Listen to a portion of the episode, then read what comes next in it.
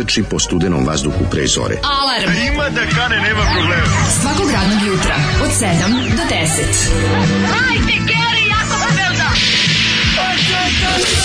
Nema da prska, nema da prska!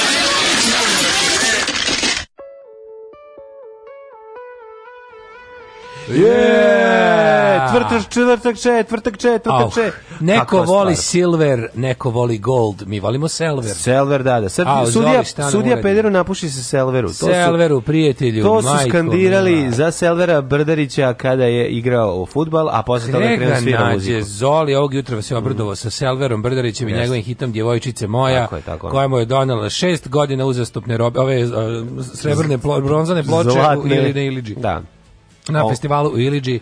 da, na, na festivalu Fenomenalna, u Iliđi. Te, teo sam da. da te pitam, ali ovaj, kažem... Festival zabranjene melodije 82. Kad, kad idete, o, kad idete nekada... I još gori tekstovi. Kad idete u Mađarsku, ti i, i Slovo Gergijera, da, slušate da, ovu pesmu. Često ovu, da, im. Da, da, da, da. De, de, mladiću moj i devojčice moja. moja. to su naši hitovi ovi koji se A moj dečko nestaško na ulici I, svaki ne, dan. on je dečko, on sam. On je dečko nestaško, ne, da.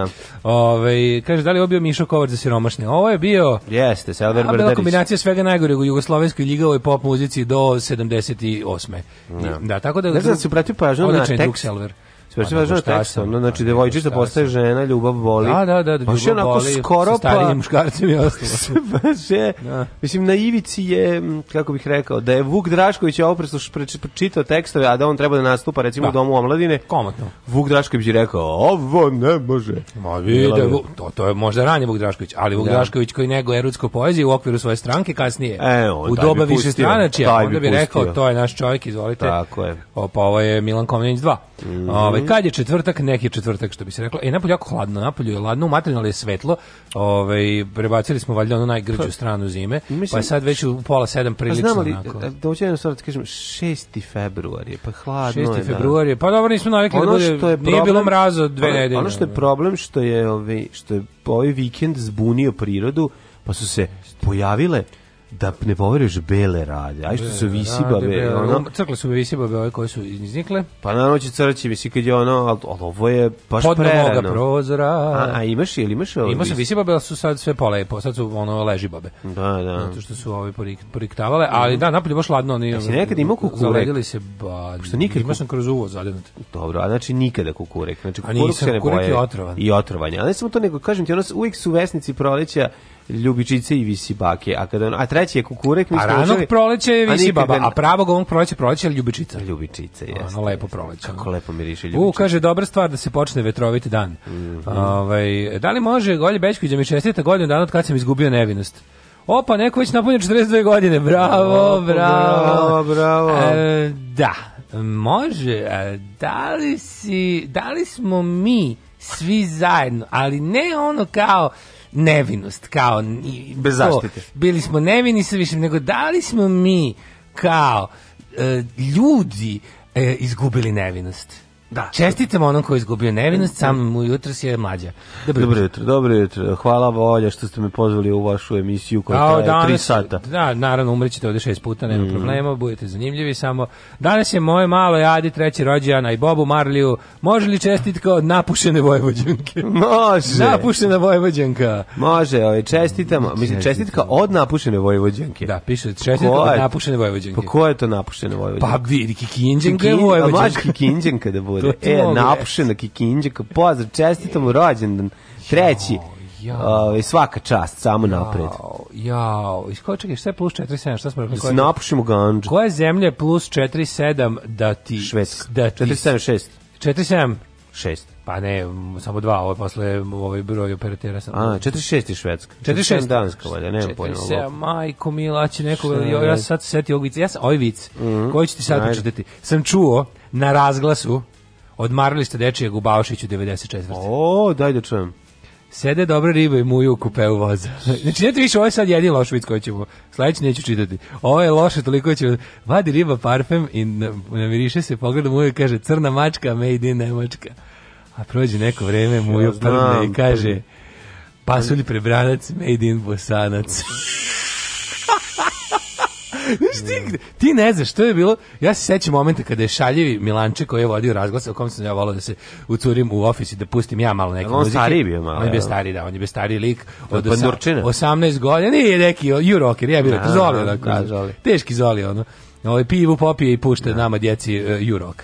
Jel ti bi si razmišljao nekada, kao sad kad si stari, kad idu te tako orga, organizaciono dječje ovaj, odmori, zimovanja, letovanja i to, jesi razmišljao ko je iz ovaj, ekipe mogao biti udbaš? U, sad pa kad si stariji. Imam ja te tako ludečke retro. Sad kad si stariji. Takozvane naknade pametni koliko hoćeš. Ono, da, da, stalno da. razmišljam o tome. To treba ono vremena, to kad si klinic nema šanse, ne mislim, ne bi ti ni palo ni pamet i ne do bog da, uh, da kažeš, možeš da si u, u, u, u, u trenutku ovaj sposoban da to razlučiš, znači da bi poludeo, ali Slušaj, južnjački amandman. Stari setiš se nekih ovaj poteza ko nekih biti, bi mogao biti ovaj žbir stari. Žbirko. Mm -hmm. Ja, slušaj južnjački amandman na vic. Bilo je kod nas pasulj tetovac, medin leskovac. leskovac. Pa naravno, oh, ima i ono je, crne ča, prljave čarape šesti dan.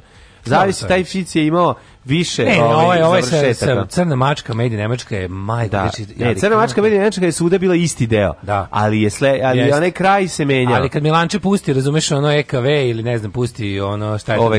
bilo. Neki ono nešto šta je šta je to bilo ono. Maga, I onda kaže: "A evo je jednog vica." I onda ispriča: "Majko mila." I onda a odmaralište ja mislim da je bilo neko kako se to nije bilo crveni krst kao u fucking Dobroti, ali da je vojska. Ne, ne, ne, ne, Baošić ovaj... E, A gde si bio u vojci s dedom, Ivalo? Kupari.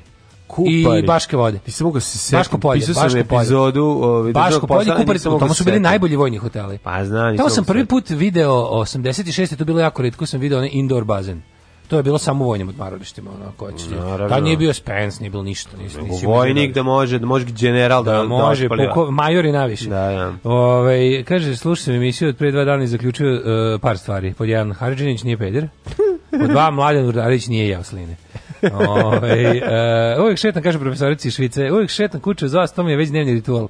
Danas se zeznam i izađem s Leonardom Cohenom, pa sam plakala usput. Da ste vi meni živi i zdravi, vaše blebetanje je ljekovito. E, Tužno je to tamo na Balkanu, ali vas dvojice to popravite, pa umrem od smijeha. Eh, u, baš druga kojena poželim da se ubijem i seba i kuće. Joj, da, zna kojen da leći u nezgodnom trenutku. Da. Kažem ti, ja imam taj problem što mi je sve Leonard Cohen nakon albuma The Future iz 92. mi je cheesy, a to je nešto od, na šta svi najviše umiru. Sve te You Want It Darker, Ten New Songs, ove one, meni to sve nekako, nemam pojma ali ne, zato ne, ne znam, nisam ko, dovoljno. Kojen i dalje. Još nisam dovoljno šurde za Kojena, super je to no, da, sve, ali ja... Ja sam propao, to slušam. Čekam ja, čekam, Ja to boga od prije. srednje škole slušam, pa mi teško. A slušaj, ja nekako, super je sve to, i da. sve sam ja to čuo i sve to da. divno i lepo, ali ovaj, it's not my cup of tea još uvek. Ako za nešto nisi čuo, a zvuči siromašno, tu je naša doktor Katarina Bajić za siromašne i doktor Mlađe.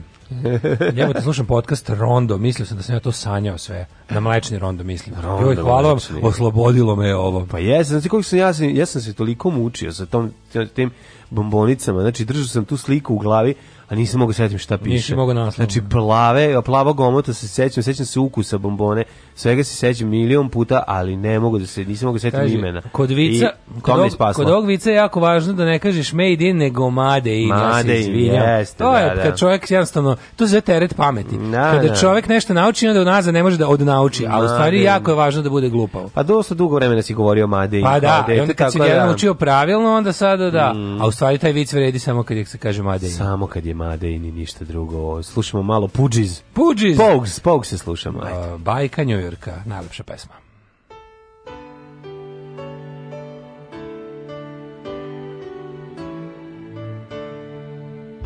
There was Christmas Eve, babe In the drunk tank An old man said to me And not see another one. And then we sang a song, the rare old mountain tune. I turned my face away and dreamed about you. Got on a lucky one, came in late. I've got a feeling this year's for me and you. So happy Christmas. I love you, baby. I can see a better time when all our dreams come true.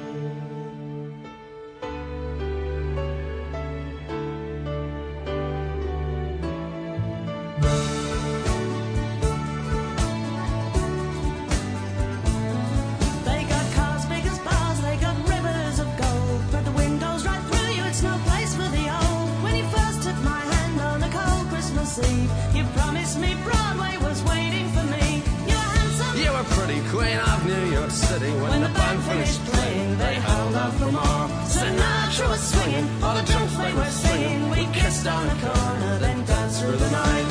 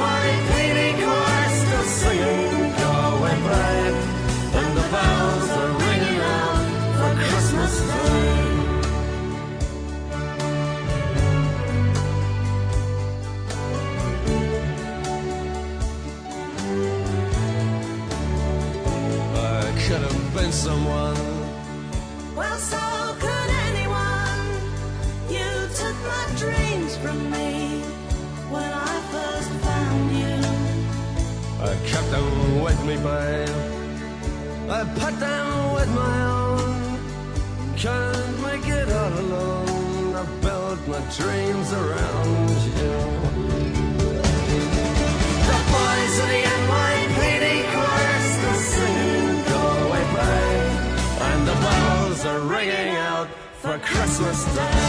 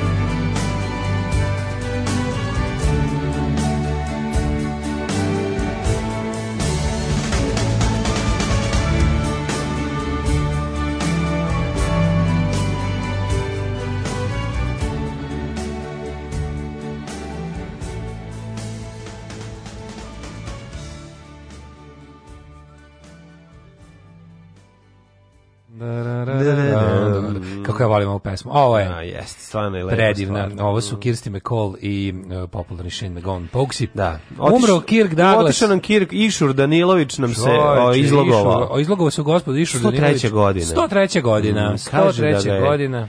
Da, kaže da ga je pronašla snajka, ovaj, došla, otišla ujutro da mu odnese kafu. Zetrin Kita Jones i Zetrin Kita Jones nađe ga kako ovaj kaže da je u snu umro. Ka, mla, stari kaže bio i kad je umro. Stari bio kad je umro i u snu je umro. Kaže uopšte nije ustao, prvo udario je nogom o ovaj gasto, po mali prst, a uro, To nalažu tamo da ljudi umru u snu kao. Da, da, da. je... Živela je sama i umrla mirno u snu, mirno a ona snu. 45 minuta skakala da, po sobi. A umirem, pa dole, da, i na kraju. Ne pavam pa- krevetom. Da, ne prvo ustaneš, udariš se, a da. onda udariš dva puta, onda glavom zvekneš. Srce ti izlazi na usta. Da, da, da. Da, sa, ono da u isto vreme infarktiš log dobiješ, pa skačeš. Pa padeš, pa srce stane stane, pa stane, pa misliš kao, to je kraj, onda srce ponovo počne da raditi i opet ustaneš. I onda padneš na krevet i ujutro nađe kaže, aha, da. otišao, otišao u snu, mirno. Da, da, mirno. Niko ne zna koja agonija je bila. A ne zna da bio pakao je. Ovaj e, kaže ovako, ovaj najlepša pesma je Summer in Siam, a za koja na kruži priča da je rođen mator i to sa šeširom. Moguće, sa, ovaj, sa sve cigarom. Sa sve cigarom. Evo, mladine, ovaj, kaži ti meni. How was your day, honey? Bio je dobar. Znači, kako be, Babylon juče? Berlin. Au, ju, kako je dobra A, serija. Kako je tebi. Kako je dobra Babylon Berlin. Tebi Berlin. kad nismo mora napolje. Pa, Sinoć na snimanju. I prekiče sam na snimanju. Sino, pa da, juče, juče, da. a juče sam isto bio napolje. Juče sam da kupim neke stvari. Falilo pelena, falilo ovog, falilo onog treba, znaš kako se sad to troši brzo, to sad Ju, ide. Majko, mila, kad, ja kad sam vidio koliko što pakovanje pelena. Da, da, da, jako skupo. A pa dobro, mm. znaš šta, taman to što ti daju... Što je pakovanje pelena ko što više od bebe? Taman to što ti vrate, e, kao što ti daju taj neki od grada i što dobiješ za rođenje, ne dobiješ to, ali to ti legne za recimo pola pola tih troškova. Čekaj, čekaj, čekaj. Pola kap, pa, pa, troškova plave. Koliko stignute pare? Ste dobili već za Za prvog smo, za Feđu smo dobili, da. da. da. Posle kog godina to dođe? A nije, posle kog godina dođeš posle 6 meseci. Aha, znači sad bi trebalo doći će i malog, za Pa doći će u plave, a išao sam prekiče u grad to da uplati. A to si Ne prekiče, da. nego u, pa u ponedeljak sam išao. Aha, u ponedjeljak... znači ipak bude, da stigne to relativno na vreme, da. relativno na vreme. Pa par meseci se čeka, meseci Dobre, pa danas se čeka. čeka godinama, mislim. A nije, nije, znači, funkcioniše, a? Pa funkcioniše, plate. I bude pola, kao i ovaj, vi pa kako to pokrije pola. Vi šta država voli da plati? Pola ti plati i sahrani pola rođenja. Pola rođenja. To su ne, dobri ne plati pola sahrani. Pa dobiš 331 31.900 refundacije. Ako preko prebaciš... Ako uplaćuješ. Uh, ako si e, ako si pio jeo fond, da, preko pio jeo fond, ako si bio zaposlen ima penziju. A dobi se lapo, jel da? Dobi se, ni to lapo, ti možeš za te pare i da se ono, možeš ti da... A šta možeš? Ono, možeš šta da neku da najskromniju varijantu. Ono. Koja je najskromnija varijanta? Te stojeći ubace u stojeći rol. A, e, imaš, imaš, imaš, imaš, sanduk, za 13, imaš sanduk za 13.000, a imaš i za 30. Imaš ti sve jedan sanduk. Ima sanduk za 13.000. Ima sanduk za 13.000. Pa tu do jaja. Pa jeste, pa da. Mislim, ja, kartonski. Ja sam sve svoje pretke u to stavio jer su išli u forunu svakako. A moraš da kupiš sanduk. Šta da kupiš skuplji sanduk od toga ako će ga. Šta će ti skuplji sanduk Kinder? Inače, Kažem, inače, inače kao glupo, da, apsolutno glupo. I tebi da. je kao bitno. Svako investiranje u... A pa mene bi baba, usta, moja baba kad bi čula da sam platio sanduk 30.000, ustala bi iz mrtvih pa i zadara. Morila bi vas do kraja. Šutnula bi me u glavu. Da, da, da, ne, proganjala bi vas sve do kraja večera. Pa da, bila bi Vraćala bi vas Platili ste 30.000. krva, krva. jebem, zato i šta je to. Ti šta je to? Skok to jaja. Pa da. Ne, možeš ti. A pa sve bi u jaja ili u meso. Da, koliko kilo da, mesa da, ili orah. pa, da. Ili oraha. Da, ma ne da. orah, a stavi govno, orah i u govno pa će biti lepo. Da. To je najbolje, kad se e, posere na tortu. Imaš te Ova torta ima po 500 g, pola kila oraha. O, e, stavi Sve živo, orah i u govno pa će biti lepo. Ako si bio skoro, nisi verovatno, ne znam da si bio ovaj, kad je E, to kao lisje šop kad odeš u lisje šop što ima sve ima tri klase. Ne znam, baš nisam prolazio, eto. Pa ne, kad si imao, ne znam ko se bavio babom posle, da, ovaj, da, da, ko je bio da, da, menadžer sahrane. Da, ja sam pa. skoro bio menadžer sahrane. Ne, nije, ne, ali bio si, bio si sekretar u kopa. Bio sam sekretar ukopa, da, pa sam to prošao i imao sam dobar budžet, mogu ti reći. Da, da li da, mi ljudi kojima, kojima sam organizovao, kojima sam bio menadžer sahrane, su imali budžet. Moj burazir je bio e, menadžer u kopa, tako da a, Verovo ili ne sam ovaj, dao novac, ne svoj, tuđi novac, kome sam dao za skup kovčeg. Oho. Ovaj, i mogu ti reći... Jesi, namigivala mačkica iz šopa. Kako ne kažu, pa, da vidimo koju ćemo postavu. Ja kažem, postavu ne moramo, pošto će postava da vidi samo, neće ni uopšte ni videti uopšte, pošto je kovčeg totalno pa, lep, to ako se otvara, da krpa ne viri. To ako je otvoren kovčeg, ne, ne, pa nema, naravno. Iako nije, znaš, možda biraš, imaš postavu od 1000, 3 i 5. Rekao dajte mi ovo bilo koje pošto je kovčeg toliko lep da nema šta da ga ovaj Nemoj za 5000 će doći ono Topalović da ga otvaraju što je bilo ovaj isto rekao koji ćete vrstu slova za ovaj za za pož. Mm -hmm. Koji ćete vrstu slova za pož, onda još obična bela ta što 3 dinara komad, a mhm. imaš i 20 dinara komad, ona što deluje no, kao od metala. Da, Mesinga, da. da, zapravo su isto plastika samo da. su ovaj. Ne, pa isto obična bela bolje izgledaju. Ne, najlepše su ove u sredini, uh, ovako tipografski u sredini da. imaš imaš lepu ćirilicu uh, kao uh, zove se to je Arial Rounded. Mm, znam ta su najlepša. Mm. Da, mhm. da onako. Mislim, ja kao tipograf sahrana. Pa A znam da znaš. Da ti kažem, ovaj. Ove, ovaj, kaže, volimo vas, ali Cornflakes se vraća na gore deci ponekad. Ove, ovaj, šta je ovo sa on 2020? Rešili svi da umru, samo Šešelj još prdi.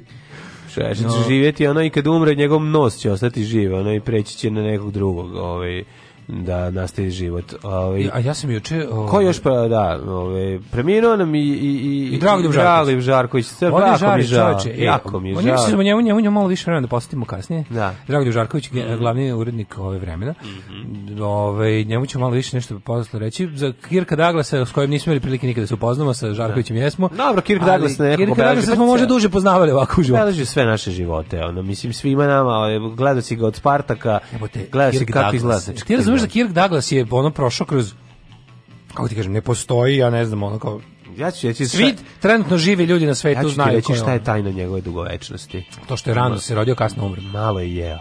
Malo je jeo. Malo je jeo. Bre sirotilja bio u mladosti, nije jeo, nije se trovao. Odakle on došao iz e, on iz Ukrajine, Gruzije, odakle? Ja mislim iz Ukrajine, tako da. Ukrajina ili Gruzije, može čak i Rusija sama. A pa neki sos Da, njegovo pravo ime je Danilović, Danilo on je jevrej godina, on je 103. 103. 103 godine. Je on rođen u Americi ili si nije, nije, nije, nije, da, doseljenik? Da, on je da, da. doseljenik.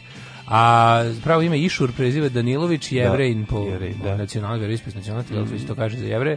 Ove, I e, počeo da glumi, mislim, to je, on je bukvalno Pa kasnije ćemo njemu. Pa počeo da glumi, mislim, glumio je, e, glumio je 1900, 1826. E, otprilike. Da, glumio je. Bio je tu kad se mislim, nakad... On je čovjek istorije filma. Može reći da, da, da, da. Glumio da. najveći film, ja mislim, najveći reditelj. Stvarno je ono čovjek Ma bio pored toga i producent. Ne znam da li bio reditelj ikada, ali producent je bio i uglavnom ono, posjetio Tita. Da. E, znaš ona slika kad se Tito Medved i Kirk Douglas. Da. to mi je najbolja fotka ikada. Tito Medved i Kirk Douglas. A me ju čisto produvalo jebote, čoveče. E, jako kako, je duvalo, jako je duvalo. Produvalo, juče sam, e, a šta mi se čini? A si imao kapu? Ma imao sam sve. Oh. Nego mi se činilo da, ovaj, juče mi se uveče činilo da kao gotovo, sad je skomol, znači pošto sam juče kino 22 puta. Misliš to mi je lični rekord. 22 da. puta zaredom. 22 puta zaredom. Mlađe, je neki je alergijski ki i ne, prehladni, prehladni ki. ki a je za ono desnog oka je zapadna morava s pritokama. Da ti išla znači, i da curi. Ja, I onda pazi. A s koje strane se spoljne ili da sa unutrašnje? Sa spoljne ili sa unutrašnje strane oka? Ma oko celo bre bilo kao da me neko udara po oku stalno. Mm. Ali je bilo fora što sam kao juče posle posla nešto kao seću drevnim i, probudi, i lego sam normalno, probudio sam se prehlađen. U toploj sobi, pokriven, lepo, sve sam se probudio, probudio, počeo da kijam i ajde, ajde, ajde, 22 puta. 20 da pišem tekst, evo ti juče za, za, za kolumnu, sad da pišem. Ono svaki čas, ono, znači, svaki znači, kih. svaki, crkla mi tastatura od slina i, i, ove, ovaj, i, i suza. O, oh majko Jezivo je bilo, ono. Ako malo teži tekst, to je zbog količine suze koje je prolivena nad njima. Pozivaju se majstori, stolari, stakloresci, zidari, bravari, limari, tesari, moleri, tapetari, elektroinstalateri, bez obzira na godine starosti. Alarm svakog radnog jutra od 7 do 10.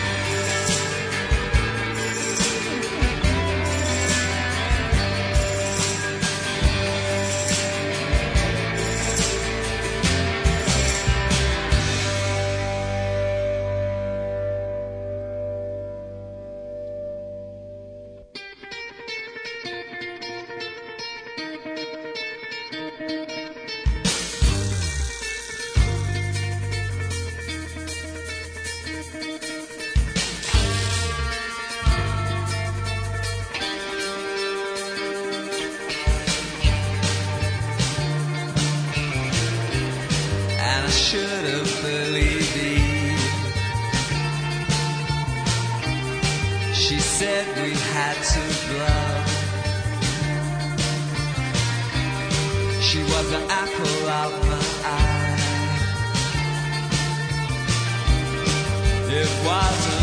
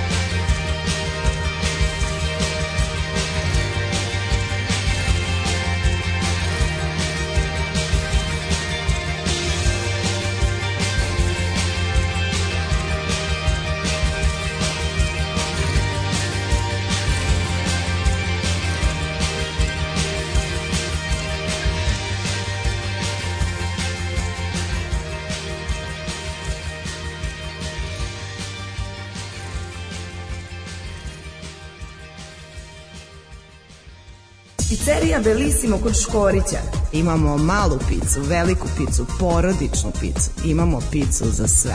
Pizzerija Belissimo kod Škorića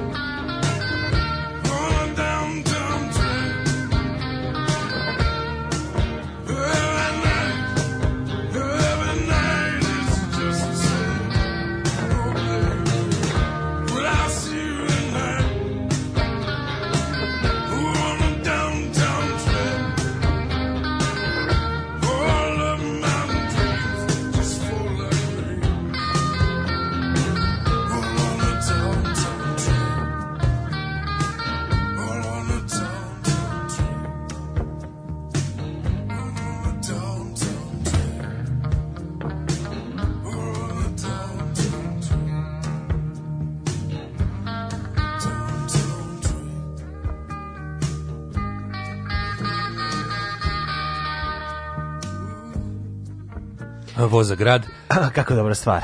Downtown voza, train, da, downtown da, da, train, Tom Waits, fenomenalni. Voz za centar. Voz za na centar, pošto on iz Prigradskog dolazi sa ovim curama iz ovaj Jako lepo. Nego sam te I kaži, Church pre toga predivno. Pre toga da, Church, da, da. Reptile, tako Australijanci i obaš onako, onako jedan intelektualni rock moment bio u našoj emisiji. Kad smo kod Australijanaca, ko je dobio rode mikrofon? Mada e, Australija. Pizzerija da. Belisimo od Škorića nas je častila. Tako je, tako je. Nikola Škorić, vlasnik pizzerije Belisimo, yes. E, nam je donirao jedan ovako, boga mi, jako dobar rode mikrofon. Rode mikrofon podcast. Tako da, ukoliko se samo nađemo nekog da nam dođe u goste, imamo je treći mikrofon. To je važno. Sad kad dođe neko u goste, možemo da vas priključimo uključimo, fali nam još Tako. stalak i da natakarimo kabel. Treći ja mislim, mikrofon. Treći I onda mikrofon, je samo da. još jedna stvar granica, to je što niko živi neće dođi ujutru emisiju. Ne, doći Ostalo smo tehnički rešili. Dobro, doći će ovaj kod Migeta, pa će mu trebati još jedan pa da, gost. Mislim, doći će dva čoveka iz benda, šta fali. je, biće super. A ovaj, doći će i nama neko. Ja čekam da natakarimo da imamo Nije, naš kasno, mi u 9 sati, možemo da, da nekog ugostimo. Pa, teoretski da, ali pa svi da. ljudi koji se mi kad pozvao su rekli,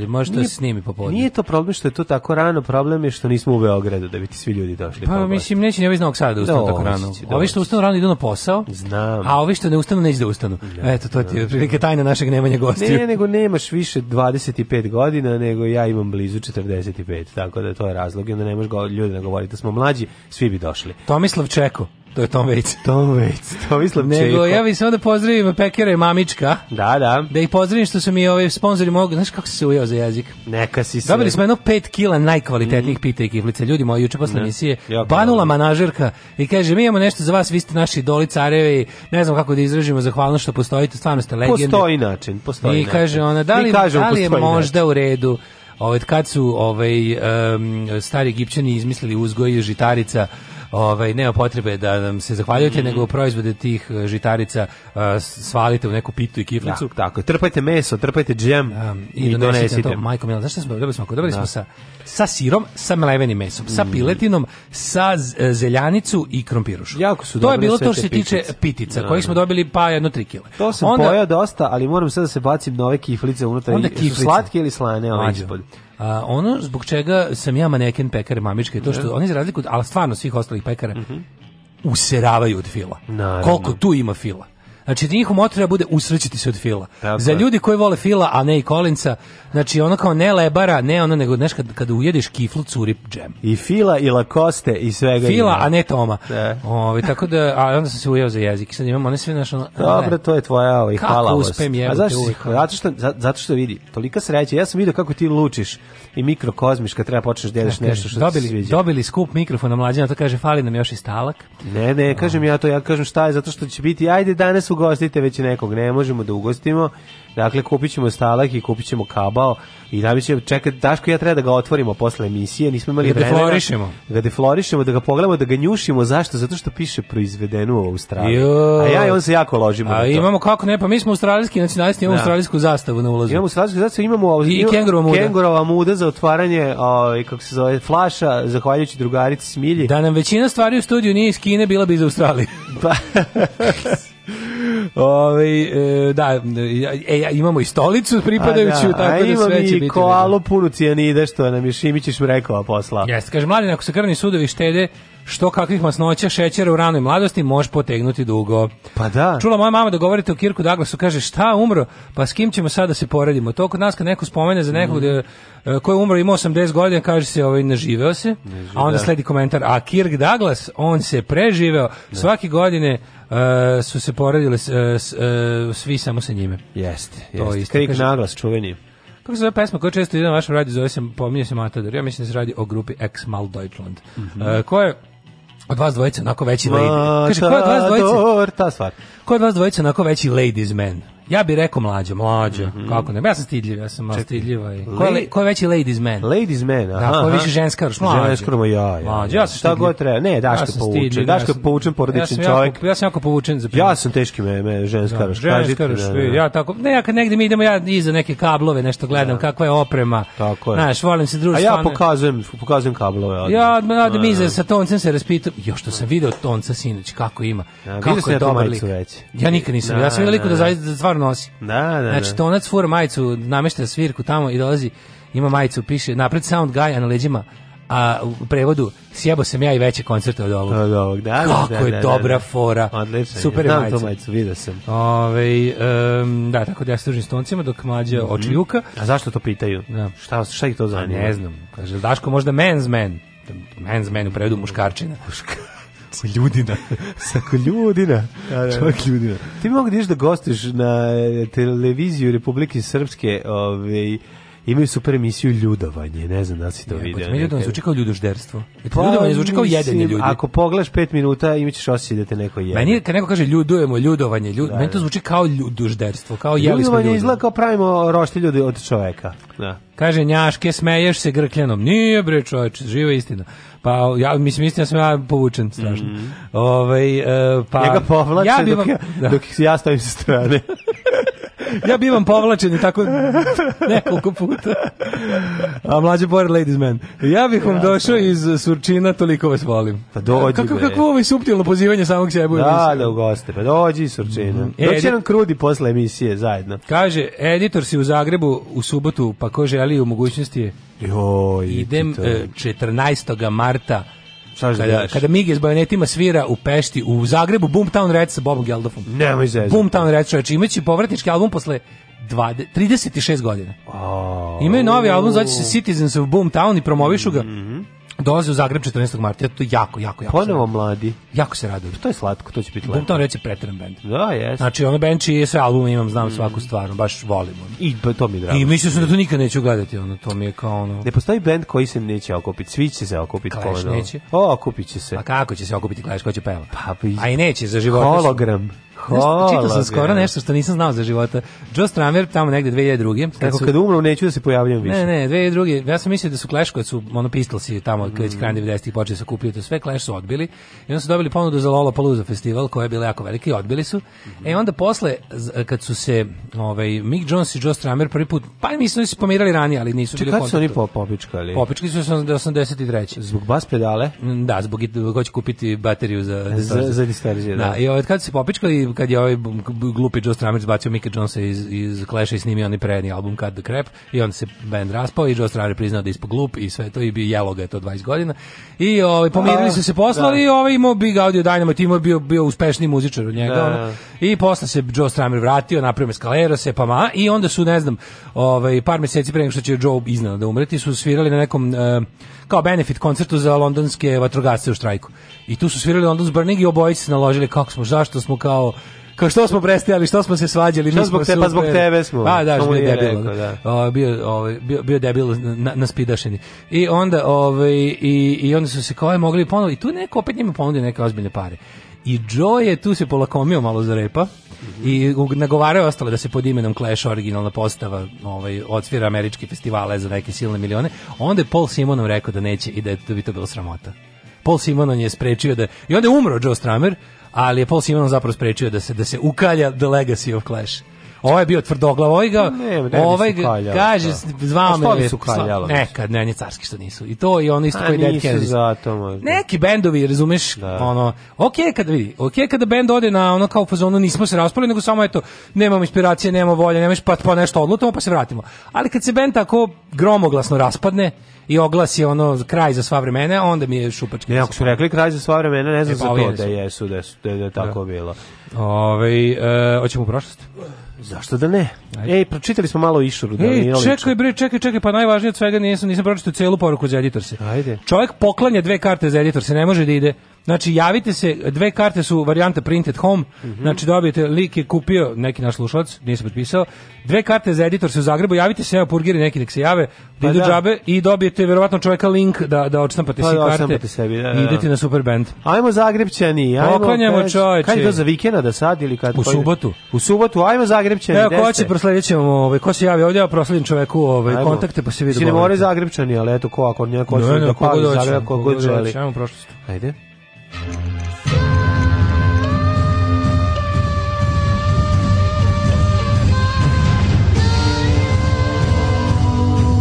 Dogodilo se na današnji dan nikad nisam verovao da ću doživjeti stotu, stotu doživjeti stotu, ovaj, to me je šokiralo, iz, jedno mi je izgovorio Kirk Douglas, to mi je da, genijalno. No, to je šokiralo, od šoka tri godine kasnije umro. Da, da, da. ja, glasam ga prošle godine, pa on je bio, onako, on je bio ono kako se kaže luci bio je skroz ono kao naš ono da. je bio to baš lucidan da. do kraja života on je prošle godine u neku šta ja znam kod prošle godine gostao kod Bila Mara bio onako spori ono znaš da, kao bio da. je već je stvarno treba mora se da imaš strpljenje da ga sasluša ali to što govore nije bilo bulažnjenje razumeš nije, bilo lupetanje samo bio fizički sprečen da je brzo govori pa nije više mogao ali je bio bister razumeš mm. on je super je pričao samo što da. je trajalo trajalo da. dok da, ne izgovorio da, pa on nije baš za televiziju pogotovo za ovog brzog komunja, mm -hmm. ali super bilo. Ove, ovaj, danas je Vajtangi Day, nacionalni dan Novog Zelanda, čisto znate. Bravo Novozelanđani i svim Novozelanđanima na privrednom radu u Srbiji čestitamo praznik. 6. februar, 37. dan godine, do kraja godine imamo još uh, svega 329 dana. Da. Sada te pitam nešto, mislim, da li si možda razmišljao, mislim, ne moraš žuriti sada, ali opet naš 329 puta spavaš i već je nova godina, nešto. Jeste. Gde ćeš da na luđu Ja bih volao da posetim rodno mesto Kirka Daglasa za koje sam umeđu vremenu saznao da uopšte nije u Rusiji, nego da se jeste rodio A, u, u Americi. A, rodio se u Njurku, njegovi roditelji su taman došli iz Belorusije. To 1916. 1916. Roditelji su mu da. tek stigli iz uh, današnje Belorusije, mm -hmm. tad je to bilo Rusko carstvo, mm -hmm. ove, ovaj, i rodio se u, u ipak u, u Njurku, u Njurku, pa bi ja da. posjetio njegovo rodno selo, ako nije problem. Zašto da ne, zašto da ne. Inače, on ima problem ovaj, kada je pravio svoju ovaj, Facebook stranicu o, prvo godina koju možeš staviš rođenje 1915. Pa tako da se 16. Pa znam bio je frci kad krenuo da vrti. Hoće biti neće moći da staviti ne, što godine. Ne, interesantno, on je dok je, dok je MySpace bio popularan, on je bio najstariji celebrity blogger, On je tipa do pa do skoro je pisao blog. Jeste? Da, na Huffington Postu je pisao. A pre toga je pisao na MySpace. Recimo to, recimo. Kako car. Uh, ova, znaš ti, to razmišljam o tom, on je imao, on je imao mlađu 50 godina kad su se pojavili, kad su Beatlesi bili popularni kad su Beatlesi da, kao Beatlemania. On bio mater za, bi, on, za Beatles. Beatles, Beatlesi su bili neki klinci koji se deru za njega. Pa da. Nije mogu da ih razume, verovatno. Da, su bili bili čupavci i da, da, dretovci. Da, da, da. da. A, da. Hiljadu, inače je bio poručnik u američkoj mornarici, borio se u drugom svetskom Odlikovan. Kakva njuš, kakva Likovo, odliko, kakav taj, život. To je život. Tako, taj to nije reklama. Ček sam malo da se izujem. 1500, ja. majko, mila, 1598. Uh, sad će mi puno bolje a meni puno gore. sveti, pit puno gore. Sveti Pavao Miki zajedno s dvojicom subraće raspeti na križu u Nagasakiju. Kod... To je ono što smo da, pričali da, da, o japanskim da, hrišćanskim učenicima. Kako je film Tišina? Da Tišina. Uh -huh. 1701 počeo rad za špansko nasleđe, nasleđe pa posle kojeg je Španija izgubila Gibraltar, posjede u Nizozemskoj, Milanskoj, Vatvo, Napoljsko kraljevstvo i Sardiniju. Možete reći da je tu Španija Pa, ovaj, svedena na a, teritorije. Da, rat vođen na evropskom tlu i kolonijama završen Utrehcim mirovskim ugovorom 1715. 1799. Francisco Gojkov Goja pušta u prodaju prvo izdanje veličanstvenih gravura poznatijih Los Acaprichos. Aha 1819. Sir Thomas Stamford Raffles utemeljuje Singapur. Novo trgovačko uporište za britansku istočnu indijsku kompaniju. Za Singapurćane. Da, za Singapurćane. Ne. Stari govnari iz East India Trading Company su napravili sebi depo mm. da odatle, ovaj, da odatle uspešno eksploatišu East Indiju. 1819. Britanski službenik Thomas Stamford To je taj, Rel, 1830. Da? A, izvinjam se. u Srbiji je obiljen hati šerif ruskog sultana mm -hmm. Mahmuda II. autonomiji Srbije u okviru Otomanskog carstva. Nije bez veze, ovo je jako važan hati šerif eh, Konjević. Mhm. Ovaj, koji je dao ovaj, Srbiji neke među prvim privilegijama. 1876. u Srbiji osnovano društvo Crvenog krsta. Aha. 13 godina nakon osnutka globalne organizacije u Ženevi, mi smo dobili Inicijator bio svoju Vladan Đorđević. Lekar Vladan Đorđević, tako je. Prvi predsjednik bio mitropolit Beogradski Mihajlo. Mm, 1922. A viš, mitropolit Beogradski je valjda danas, to je patrijarh. 1891. Karlovačko Beogradski. 1891. Aha. Zloglasna braća Dalton uspešno opljačkala voz prvi put. 1918. Koje godine su oni to radili? 1891. 1891. 1918. Da. žene Velike Britanije dobile pravo glasa. 1922. Ujedinjeno kraljevstvo Francuska, Japan, Italija i sad su potpisale Vašingtonski sporazum E, da bi izbjegle pomorsku trku u naoružanju. Radi ograničenja pomorskog naoružanja, mm -hmm. ovo je mhm. isto jedan od nizu bespotrebnih potpisa koji niko nije poštovao. Mm -hmm. 1935. u pravdu je puštena igra Monopol. Kako godine? 35. 35 od 35 od 1935 se prave ma, mladi kapitalisti. Mladi Kod nas u Rumuniji ni nikad stigla, ovaj gledali smo seriju Tovariš milicija 0, ali ovaj ali smo ovaj kod to, nas je stigla negde 80. Tovaru, to, tovarišu to, milicijan, milicijan. Da, da, da, Ovaj super je kako je dobro to kad u toj kako se zove inače eh, ta komrad detektiv. komrad detektiv, da. Da komrad detektiv kada kada prijavi svoje roditelje za zato što su, da. zato što su doneli monopol iz, iz ove ovaj, Evrope. Ne, nisu dali monopol, on, je, on ide da pita njih šta je monopol, pa zato što su oni u zatvoru da ih je da, nešto da, drugo da, prijavio. Da, drugo ih je prijavio, da, da. A da, upravo si, da, da ide da ih Kako to dobro. Ne, Čale i Keva su bili neki diplomate koji su se navukle na raskoš, je tako? Pa, pa da, ih on kao klinec prijavio. Da, jer ih, e, kad je čitao nešto iz Čaušeskove knjige, oni su se naglas nasmeli. I on ih, on ih prijavio. da. 1958. Vijensko nesreće u Minhenskom aerodromu poginulo 23 putnika, među kojima osam igrača Manchester Uniteda. Da, nesreća se dogodila pri povratku iz Beograda, yes. da engleski tim igra utakmicu Evropskog upa šampiona s Crvenom zvezdom. oni su po, poletali za... Zvezda da. ubija i na daljinu. No. 1959. Mm -hmm. Jack Kilby prijavio patent za prvo integralno šumadijsko kolo. Jel li zaigrao? E, jeste, ide ovako. T, t, 1060 val nervira. Otvore X olimpijski igre. Stani, da nešto kao pričam preko integralno. Koja godina je integralno kolo? Integralno kolo 59. Nemoj mi da. govoriti integralno kolo integralac, odmah mislim da će Čale da razbije neki TV ovde. I da ga sa Jovom Pećancem kolje tri dana. Nego šta, nego integralac, bre. Nešto koji mi je e, plaća. Ma otišao znači? integralac, to je ono izraz. Znači, kada trust mozga u sastavu moj Čale, Čika Stipe i Jova Pećanac, da. zajedno do kolje blago. A, majko moja, ono, Srbin, Hrvat da, i, i Bosanac. I Bosanac. da. Odlično. Znaš ti kako to bude ekipa, Ali, majko čekaj, mila. čekaj, jedna stvar. Ovaj... To znaš da će na stolu umesto ručka s narednih 7 da dana staviti neči grundig. Da se jede grundig. Kome su iznutrice svuda ovaj, po astalu rasute. Ovaj, nego me zanima samo integralno kolo je trebalo... Ko, a si, koja, si, koja je to godina? Ne, malo šta je tužno kao porodični ručak oko zaklanog televizora. Mislim, da. porodični ručak na smenu jedemo prvo sestra ja, pa mama i tata. Tužno, zašto to nije vaš televizor? Pola TV, pa, sve je, da, da. mislim, to, je, da. to nam je lebac na sto donosi desilo. Da, da. I onda ove ovaj, mi, ono kao, mi, sestri i ja jedemo, ono, filmove paprike od juče, a pola TV, a pola stola TV raz, razvaljeno. Ima, ali, onda bude... E, Stani, a ne da kenješ, nisi volio da zaviriš kako izgleda unutra, baš je moćno. Pa možda prvih sto puta, a da zadnjih sto hiljada puta nisam. Dobro. Znači, kad ne, neko otvara elektroniku, pa ja sam, Ja sam došao, ja sam Jeste zalepio. mlađo kad nije djece. svaki dan ceo dan. Da, da, upravo. Kad ono uđeš, dođeš iz škole, da, da, kao što ćao. Sluče baki Nikolači svako zove kad su svaki. Dođeš kažeš ćao, a iz da. sobe da. čuješ ćale, tako kaže ćao, i čuješ je opet ćao, kaže ćao. I čuješ čika stipe, tako kaže ćao. I onda osetiš mili, miris e, spaljenog kalaja za lemljenje. Da, u to ja volim. Mm -hmm. Ja volim miris kalaja. Ali pored toga su i popušili e, svako po 200 cigara. Evo to je problem. Da, i da, panel da, pasta, Ne, bal ne, htio pasta, kako se zvala? Pasta za kako pa- pasta za lemljenje. Kako kako se zvala pasta pasta za lemljenje, ima neku, nekog... I, ne to, znam, ali bilo je, to se koristilo. Aj su imali oni pumpicu za uvlačenje vič, viška.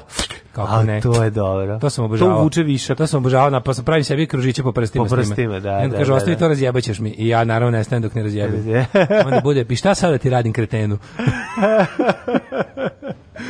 I, ove, ovaj, ali najbolje bilo kada se ovaj zaklan televizor pomeša sa jelo ovaj kad delovi ti razni ti šta čalo ugradi papriku kad su papriku ne obrnuto kada delovi dospeju da hranu a ma dobro onda, to je bolje no manje strašno mnogo to tad su bili kvalitetni delovi da, mogu si pojesti i srati celog da skeljeti čale vrati u integralnoj verziji i bude zvalo integralac integralac da onda baciš onda bude čale dolazi kaže pa gde mi gde mi integralac gde mi integralac a mi ga prosuli zadnje sa stolja a integralac da pozobale ga vrane da. a kaže mi je integralac zapravo nešto što okuplje više, jel više tranzistora? E, integ, integrisano kolo bi se to izraz razne stvari. Pa, Onaj koji se više. lako gubio je da, izgledao da, da. kao buba švaba. Kao buba švaba, da. Onako da, jedna da, sa, sa 6 do 8 do 50 na ugu. Da, da, da, da, I onda, znaš, bilo, demintegracija, jebem ti sunce. I slično. 1960, to je bilo integralcima. Izvolite. 68 je otvoreno. E, prešli smo preko monopola, a zadržali smo na integralcima. Nikad ne znaš ono. Pazi, i jedno i drugo mi je odnelo dosta znači, života. Ja kod mog druga Gorana Đorića bi odlazio dok da on kolje sprave i da ih zatim ovaj, jako precizno lemi a ja bi onda eh, sačekao kad on znaš kada krene da se levi pa, pa se digne pa se digne ova ova kako se da, zove da, ta, prašina, ona prašina, ta, kao prvo, prašina, taj taj dim taj Tako Kal, je, taj, kalajni, kalajni dim, e onda ja prođem kroz njega. Znaš, kao mm. što cure nekad prsnu napred ovaj, ispred sebe, da, da pa prođem pa prođem kroz njega. Da, da. E tako ja prsnem, ovaj, sačekam da, ovaj, da, ovaj, sačekam da moj drug prsne pa prođem kroz to. Eto, čak i smešno. 1971. član posade pola 14. Alan Shepard igru golf na mjesecu. Na, najbolji lajem isto bre na svetu, Goran Đorić nema niko, znači najpre... Zvali su ga Lemi. Pa nije, on je, pra, on je ima, on ima lem kakav nema, znači iz Japana, iz fabrike ga zvali da kažu zašto kopiraš naše lemljenje. Ne. Da. Znači kad on zatvori, kad završi Koji japanski ne, robot? Ne zna, ne fabrički. zna se da je otvor fabrički, od fabrički otvori i zatvori. 1900... Evo što je bio, ovaj što je voleo da ovaj da vidi šta se desi kad se šrafcigerom prespoje dve stvari pa malo eksplodira. Da. Taj deo njega nismo mogli da ovaj. Zato sam se začudio da, da, on da. ništa popravlja. Ne, ne, ne, ne, ne, pod kontrol, a kad je kontrolisan onda je genijalan. Da, kad dvojice drže. Da, da, da. 1993. predsjednici tri zaraćene strane u Bosni da. odbili mirovni plan. Naravno, ko je lud da pa ko je lud da nastavi. Ovde ne možemo minimum rata da održavam mi vi hoćete mirovni plan. 94. šef opozicionih socijaldemokrata Marti Ahtisari pobedio na prvim direktnim predsjedničkim izborima mm -hmm. u Finskoj, pobediti, pobedivši ministarku odbrane Elizabeth Rehn. Jel on najomraženiji e, uh, političar u nas? O, Ahtisari, jedan da od, da imaš ovako. jedan od. Da bi da. napravio top, top, ne znam ja koliko, da, da, recimo da, da bi tu bili... Bill Clinton? Clinton Kerry, Tony Blair. Tony Blair, Clinton Kerry, da, da, da. Genscher. Genšer. Da. Genšer je ostao, znači... E, kome su vikali Genšeru? Pa, svima koga i ne vole. Da, koga ne vole, svima da, ne Genšer vole. jeste. Zabo. Da Onda je bio, pa ja bi tu dodao da Vilijama Vokera. Vokera, ali mislim da je ova, kako se zove, Albrightova jedna od Medlin, da, Medlin, da, da, ona isto. Da, Albrightova, da, kurva stara, da, tebi, treba, treba srpska da, kara. Da, Pevao da. je ovaj Bore Čorba. Uh, ajmo dalje. 99. u zamku Rambulje kod Pariza. E, to, Rambulje. Tako je, francuski Žak Chirac otvorio mirovnu konferenciju o Kokosovu. Majko Mila, Jugoslovensku delegaciju bilo, predvodio predsjednik vlade Milan Milutinović. Ratko ne, ne, ne. Marković. Ratko Marković, da. A albanski ali... jedan lidera Hašim Tačmi. Da. To je bilo jako interesantno, gde su da. ovi, ovaj, Sećaš se ono kad izlazi debeli šef Gervas i Twinkle Minkelson zvani Milan Milutinović. Da, koji se sme. Kod neko kaže šta će biti, on kaže ke sera sera, ja sam da bombe. A, 2000. Finjska dobila prvu ženu predsjednika države Tariju Halonen, ozučka uh -huh. pevačica iz Nightvision. Uh -huh. 2000. Rusija objavila završetak vojnih operacija u Groznom. Ariel Sharon pobedio na izborima za izraelskog premijera 2001. Posle 50 godina kineski brod prvi put legalno plovio u kotliju se na ostrvu Čuje moj, Čuje se na nalazi Tajvanu. po tajvanskom vlašću, da? Da, i evo recimo ovako, Genocid u Ruandi. Genocid u Ruandi, ne, presuda za genocid da, u da, Ruandi. Da, da. Ovaj, to je katolički sveštenik, ovaj, mm -hmm. predao se Hagu 2030. Najmanje četiri osobe poginule u tsunamiju izazvane potresu koje je pogodio Solomonska ostrva. Mm -hmm. Šta je to? Šta je u stvari bodybuilding? Alarm! Alarm! Svakog radnog jutra od 7 do 10 sa mlađom i Daškom.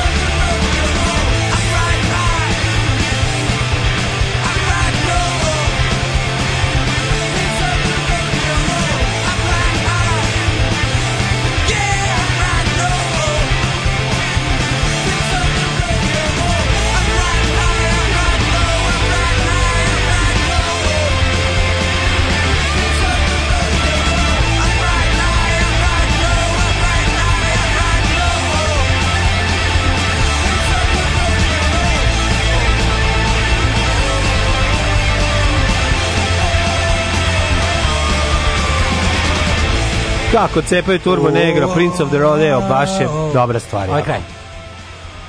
Ušiš malo. Prince of the Rodeo, oh, oh, oh.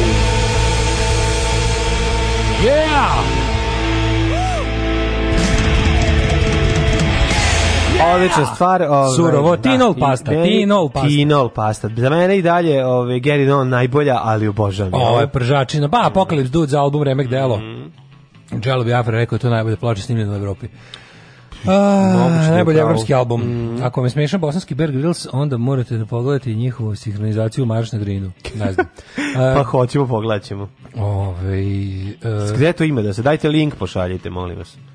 Uh, eh, Bipsići, Blufonci, Bombončići, moji hvala na uslišene želje umetanju Zolije u bezmuzički podcast. Smokić i Živeli. Jesi ga meta? Mm, da, da, da. Legenda. Nastavljam sada. Kao, kad neko zatraži nešto, on to i dobije kod nas, za razliku od drugih gde ove, ovaj, njihova pisma završi u kanti za smeće. Naravno, našo, kao, baš u Za razliku od, ove, ovaj, po, od politike zabavnika koji, za, koji uglavnom baci u Najvažnije kad nam pišete i tražite nešto od nas da nama odgovara da vam to ispunimo. Da, I uvek će biti ispunjeno. Pa ako nam pa odgovara. Juče sam vas posle dužeg vremena slušao s muzikom, da, otkaz, pa sad imam vremena, bukvalno sve pesme bile odlične, zato ćemo danas da krvarimo iz ušiju. Daško, Bo Jack Horseman je najbolja depresivna serija, uživaćeš. Mm -hmm. Ove, a, ajmo na rođendane. Rođendani 1664. Eh, Mustafa II, turski sultan. 1461. preskočio si mog omiljenog iz srednje škole nemam, Džoreta Držića. Đore Držića, a? Kako je Džora bio dobar, ej. Ko je, šta je Džore? Ko je bio Džore? Džore pa pjesnik. Barin i Džore Držić. Đore, da, a šta je bio Džore? Njegov burazer? A, e, neko tu bio sin nekom, ja mislim. E, može, pa, ne, znam, to, to uvijek zaboravimo. Marin Držić bio Ćaće Džore tu ili pod imenom mi neko e. da je Džore bio Ćale Marin. Ta neka Dubrovačka renesansa. 1664. To sam rekao Mustafa II. 1665. Da, Ana od Velike Britanije, mhm. kraljica Engleske, Škotske i Irske, a ne od Velike Britanije. 1785. E, Brno Kabužić, plemić Dubrovačke republike i austrijski general. Zašto si posto, pre, pre, koje godine si rekao? 1785. A, 48. Adam e, Weishaupt, nemački filozof i osnivač mm. reda Iluminata. Mm. mm. Hmm. Čovek koji je prvi uspeo da pravi od e, ovaj da, da, da. piljevine Tako parket. Je. Parket i uh, stavljao ga nasle, na, naselio se u veterniku, u veterniku, da. u da. veterniku i laminat. tamo čuveni ilu laminat, ilu laminat, ovaj najbolji, najbolji od svih laminata. 1797. rođen Jozef von Radovic, mm -hmm. konzervativni pruš, pruski državnik te general srpsko-mađarskog podrijetla. Tako je, čacim Charles Whitstone, uh, britanski naučnik. Henry Irving, engleski glumac, 1838. Mm -hmm. Dimitri Dimitrije Putniković, osnivač Pedagoškog muzeja u Beogradu koji je rođen 1859. Babe Ruth. E, pa, za, e, Dimitrije, njega si rekao. Zatim Henry Irving, 1838. Da, rekao sam. 1895. Babe Ruth, američki igrač bejsbola. 1903. Claudio Arauk, čilensko-američki pijanista. 1896. Bela Karleža, hrvatska kazališna glumica supruga gospodina Miroslava. Mm -hmm. 1897. Alberto Cavalcanti, E, Vladislav Gomulka, poljski političar, Tako 905. Je. Fanfani, e, italijanski političar. Koje godine Fanfani? 1908. 1911. Ronald Reagan. Mm -hmm. Pa onda 1912. Eva Braun. Eva Ana Paula Braun. Tako, Životna rođena u Bečeju, supruga Adolfa Hitlera. Da. Rođena u Bečeju, zbog toga bend iz Bečeja nosi njen da. naziv. Da. 1913. rođen Vladimir Turina, mm -hmm. arhitekta. Roza Papo. -hmm. Lekarka, učesnica narodno-slobodačke borbe, general major sanitetske službe JNA. Da li je to najveći vojni čin koji je držala neka žena u JNA? ne znam. General major. Pa verovatno. A, Ej, za, Zaza Gabor, američka glumica, da. tako je mađarskog porekla. Ovaj, a s druge strane kad smo kod Mađarske, Đula, Lorant, mađarski futbaler i trener, čuveni ovaj, i e, jedan od onih najboljih mađarskih futbalera. Zaboravio si Nikšu Alegretija, hrvatskog imunologa. Ne. A 27.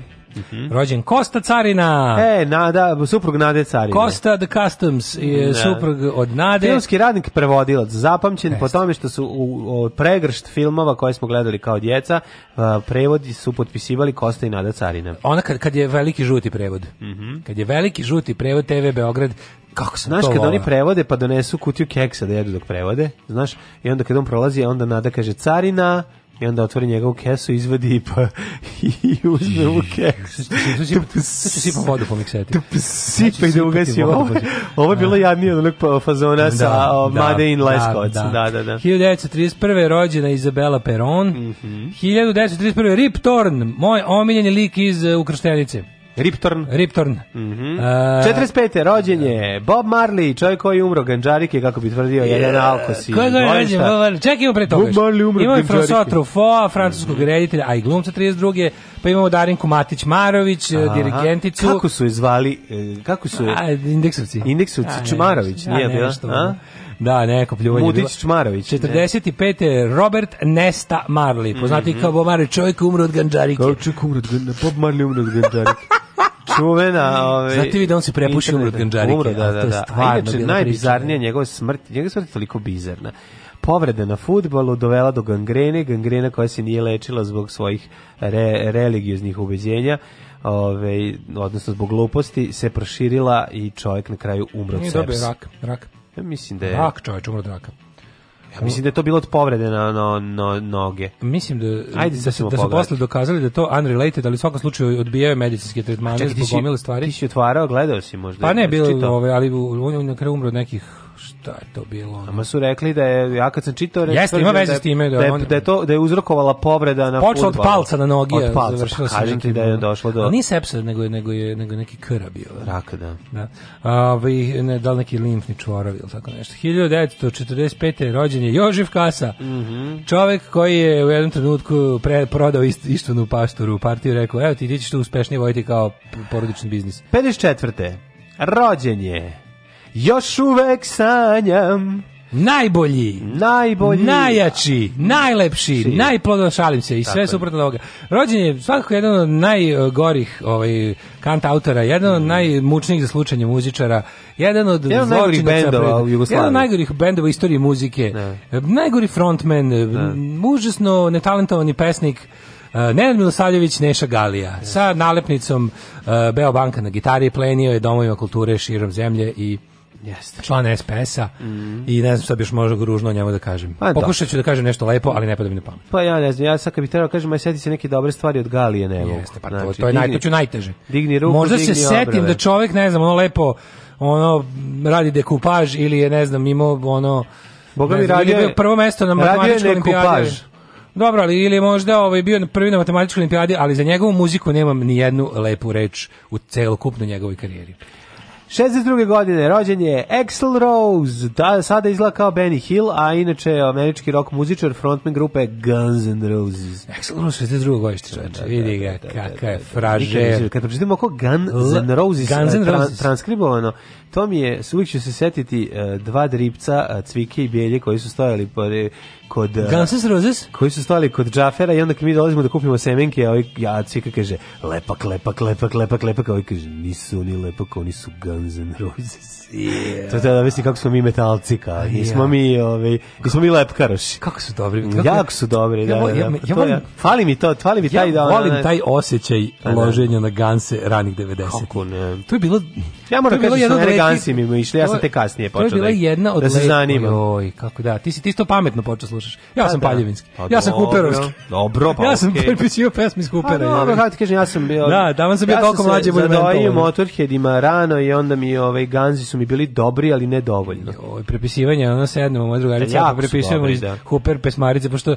ne, bilo je jako skupo kupiti Hooper, i onda kupi, razumeš, da. drug, drug Vuk i njegova sestra kupe Hooper, mi ostale prepisujemo. A uz Huper bit će super da prepisujete. Biće super da prepisujete. Da, da, da, da. uh, na današnji dan rođen je Radovan Radaković, futbalski radnik, mm -hmm. 71. Ivan Bošnjak, futbaler, i za ove ostale nisam čuo. Umrli je današnji dan. Mm -hmm. Fotije. Fotije, carigradski patrijarh 891. On je pravoslavni svijetac, inače, Inače, a inače, Aldo Manuzio, venecijanski izdavač i štampar.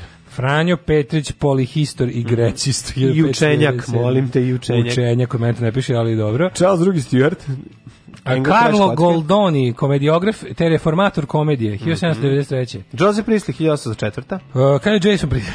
Onda uh, Leo von Caprivi, drugi kancelar Njemačkog carstva, 1899. Vasa Pelagić. Klimt, 1918. Mm -hmm. Kada je Vasa Pelagić umro? Vasa Pelagić umro 1899. Aha, onda George VI, britanski kralj, 52.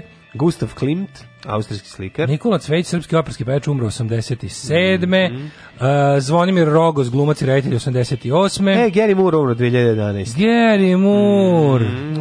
O, bre, kako mi nešto teško. I? I čak da se nekoga čuo ovde. Evo, recimo, Danilo Nikolić, književnik i novinar, jedan od najznačajnijih srpskih pripovedača i romanopisaca. Bravo. Zbog koga ja nisam čuo. Svakog prokletog radnog jutra. Aco, vozi me da završim tu jebenu gimnaziju. Alarm, Alarm. sa mlađom i Daškom.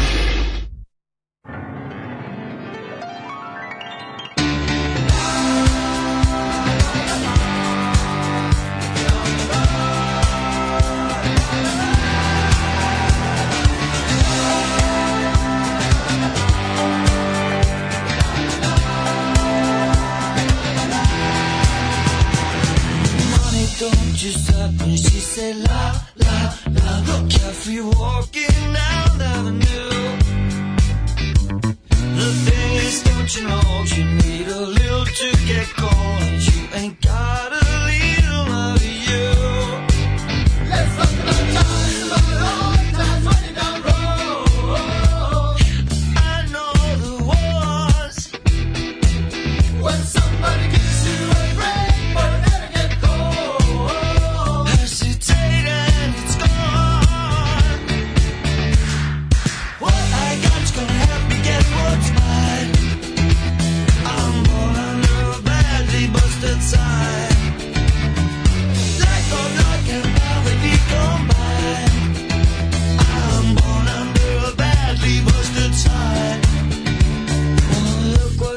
took, she had me pinned down, figured out. In retrospect, it ain't that hard to tell. I was taught just how to steal. I was taught just when alive. I said I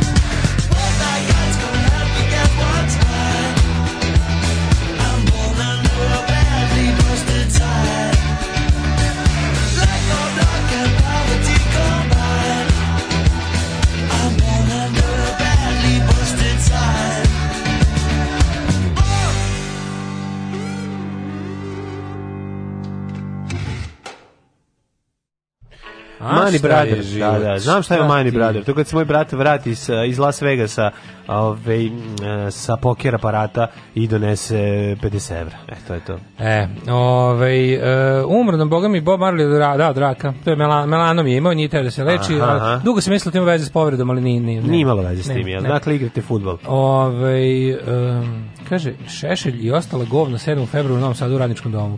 To je mini, na napravim još reklamu. Onda. Znate. Ove, um, kaže, moram da spričati kako umro Bob Marley na Kikinđansku. Pa kako? Napuši se kažarike i ugušio si pa. gondže, uz viljušku. Činjenica da su Gansi obeležili doba adolescencije mnogih od nas. Jeste, stvarno su ono, Gansi su bendina, nema šta. Ove, Četiri njih došlo, napuši uz Viljušku, napuši e, uz Tražimo cazinska audicija, Marš na Drini. Mhm, mm Cazinska audicija Mars na Drinu. Da. Okej. Okay. Ajmo, ovaj hoćemo da vidimo mm, no nolićemo. Idemo u vremenske prilike. Ajde.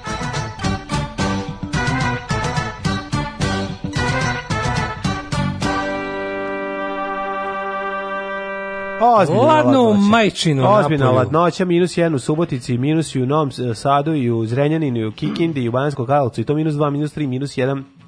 Nema nigde nule. I Mitrovica je u minusu i Valjevo i Beograd i Kragovac, Terentor i pored svih napora. Aleksandra Vučića Srbija jednostavno ne može da izađe da, u plus. Đilas nam je ostavio hladne temperature. Usio nam se u život. U, ovaj, u minusu nas je ostavio Tako je. i to čak ni naredna no, da, pokoljenja. Minus 3, veliko naći. gradište, minus 1, Blacktop, minus 8. Negotajn, 1, Zlatibor, minus 9, Cijenica, minus 8, Požega, minus 3, Kraljevo, minus 2, Koponika, minus 14 trenutno. Ove, Kuršumlija minus 3, Kruševac minus 1, Ćuprija minus 1, Niš minus 3, Leskovac minus 3, Zaječar minus 2, Dimitrovgrad minus 4 i Vranje minus 4. Pada sneg na jugu Srbije, ovde kod nas je vedro nebo bez oblačka, divan dan za put do Divan dan Valjeva. za put do budućih vremenskih prilika um, kaže da će danas biti maksimalnih 5, čak će biti i vedroća. Sve mi da neće nas biti. E, pa, može mislim, tri, da će domaći. Tako kažu, ovaj, tako kažu. Aha, kao, ne, prosek. profesor, doktor Jugoslav Nikolić, moguće. Proseko. E, inače, bit će ovaj, dosta sunčevih intervala, ali će biti zubato sunce. Sutra maksimalnih šest... Nije to loše. Mislim, ja volim sunce, pa makar bilo pa, zuboto. Može se gušterisati na njemu. Kaže da će u nedelju biti 8 stepeni, a ovaj, u ponedeljak čak 12. Tako da ne znamo šta se dešava, hoće li da nam se vratiti da... lažno proleće opet. E, vetar je razduvo, otero crne oblake, otero, može se, disljivo je. Da, da, da. I sad malo Pola, može da stane. nije loše, ladno, ali disljivo. Može malo da stane. Mm. Kako ću ti se usrati u život, kurvo? Alarm svakog radnog jutra od 7 do 10.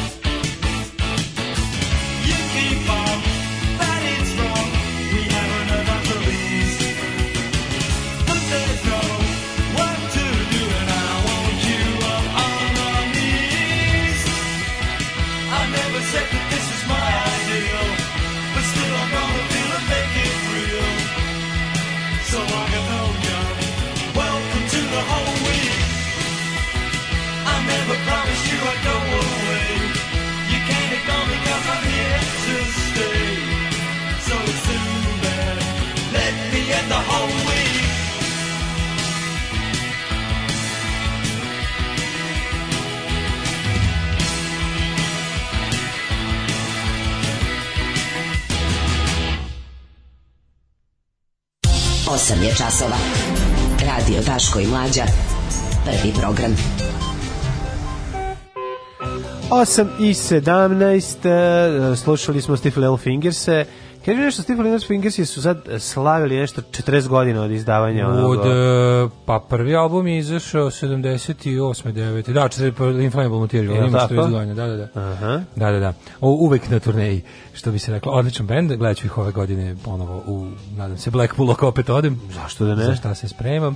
Ove, e, šta sam teo da ti kažem? Viš stazama od prošlog puta koje su sad stazama sećanja. Što lepo vratiti se negde. To tamo gde ti bilo najbolje na svetu. Kako Muzika baš prži danas. Hvala, hvala. DJ John Mušema za vas. Da moguće se gimnazija Karlovačka ne, da se gimnazija, a ne, da se gimnazija ne zove više Jovan Jovanović Maj, već velika pravoslavna gimnazija. Zove se Jovan Jovanović Zmaj, ljudi, za Boga. Zove se Zmaj, ovim nema šanse da se ne, mislim, ne. Da. Ne, mislim se za Karlovačku da pitate, po Karlovačka se nikad nije zvala, tako iako je da, bila Karlovačka za Karlovačka, ne? Karlovačka gimnazija, da. Ne. Kaže, u što pređeste brzo preko Klimta, više nabio Neša Čajerski. Ove, ovaj, pri svom imenu, ni da je bio ženska roš, ni da je imao 14 dece, ni da su ga nacisti pokrali, pa utice na Šilea, na Bečku secesiju, evo sad smo sve rekli. A, secikesiju, izvinjavam se ti si, pa morate i vi da se nađete, molim da pomoći. Molim vi, da, tako je, tako je. se ljutiti sad, da.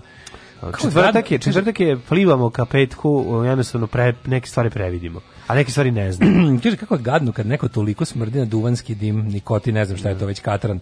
Ali ne ono malo kao osjetiš, nego smrad koji se gomilo danima. Mm. Nije ni mm. pravo ruke, ni usta. Držao sam dah da ne udahnem, morao sam i ruke da operem, a nisam čoveka ni pipnuo. Fujčinu. Moram da vam kažem, nisu to, nisu to ove, ovaj, ruke ni usta, nego yes, su, to, ne, to je to su prsti koji u koje će ući večno, a druga stvar to je odeća odeća upuši se redovno znači, prao ne i menjao isto, i, pa ne, pa menjao, pa o tome ti znači, pričam. ne higijene. Ne higijene, ali, ali još jedna stvar jako je važna. Ne možeš, du, možeš pušač milion du, godina. Duvan i koji, ako, sto, ako se u prostoriji puši i tu ti isto, u toj istoj prostoriji ti visi odeća. Da. Znači, to će smrdeti Neće kao smrdeti kao ovo. Znači ne, ne možeš ti da, ako nisi pušač i ako si ono vodiš inače rednu higijenu, možda proveš 10 sati u zaljevnoj prostoriji, izađeš, smrdećeš na duvan, ali ne na taj način. Znači nećeš tako smrdeti, smrdećeš. Prvo govorim da čovjek izlečivo. Pušač. Da, a da, ali ovo je što čo, da, da. mislim da. ovo je jako Ovo je higijenski minimalizam, da, da, da. feat uh, e, duvan, yes, yes. ovisnost o Ali nemojte zaboraviti, mislim snaga nemojte duvana da, da- usere. Da, znači jedna verujte, znači ako zapali neku prostoriji, u prostoriji cigaru pored tebe, prostorija je 50 metara Ove, ti ćeš ostići duvanski dim za, za 4 sekunde. Mislim, taj, ta ono brzina kojom se on širi i, i, i, i gadnoća koju ostavlja za sobom i u, koju, kako propasti sve To oko... Bora Čorba zove trulež od To je najlepše objasnio Branko Kockica kad u jednoj epizodi kockice upali cigaretu, izvuče dim i dune kroz belu maramicu. Znači da. ono što ostane, ona žutoća, odvrtna prlja, e to je to što smrdi. A setimo se samo da to je jedan događaj kad su uzeli da pa to što što nisam pušio. Da, ba dobro, mi smo u kućima neke da, da, da, industrije ono. Ali da li se sećaš? Da li se sećaš onog projekta čišćenje ove od duvanskog dima Eh, da li železničke stanice da, Joške. Jeste video da, to? Da, da, da da li se, si video to kad, su skinuli ono projekat da se skine, kad su skinuli prvo samo jednu kockicu da vidi da, da vidi kako izgleda da original. Razlika, da. Ona žutoća, ona poganost, da, ona vekovna žutoća. Da, to to je strašno. Molim vas, dunski dimni smrdi ako se pomiša sa vinjakom, te onda pravi muški miris mačo. Dobro, onda, onda se to zove ne miriše kovi naši. ne miriše kovi naši. Da, da. Uh, u Blicu danas veliki poklon horoskop. Znači, nam dobro ide. Evo, ovaj, Blice seća Dragoljuba Bažarkovića.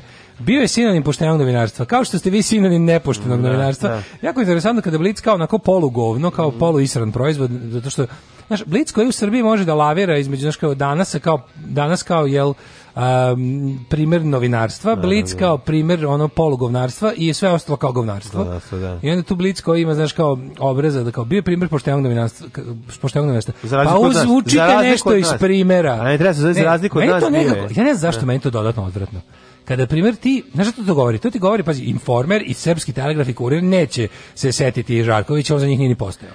A ovi pa- su, ovi su mi nekako odvratni u smislu ne. Da. da su znali tog čoveka, znali su njegovu Zna, ono kao, mogu, mogli su da uče od njega i znali su koji, sad kao, jeste mi žao što je otišao. Ali on kao, znaš, kako ništa baš od neka, kao da, ste se, kao, da, kao da se poseliš po takvom čoveku, da ti ono kao, ti koji ništa nisi od njega naučio, a smatruš si ga ne znam čime, mu odeš, kao bude kao, ne, više ono kao ispred neki neprijatelj kog si da, cenio, ne? Da. O tome ćemo pričati u prvom uključenju. Ajde. Naša slobodna država bit će jedna velika, srećna kuća u kojoj će sva naša deca živeti sita, odevena, nasmejana i oslobođena straha i patnje. Alarm sa mlađom i daškom.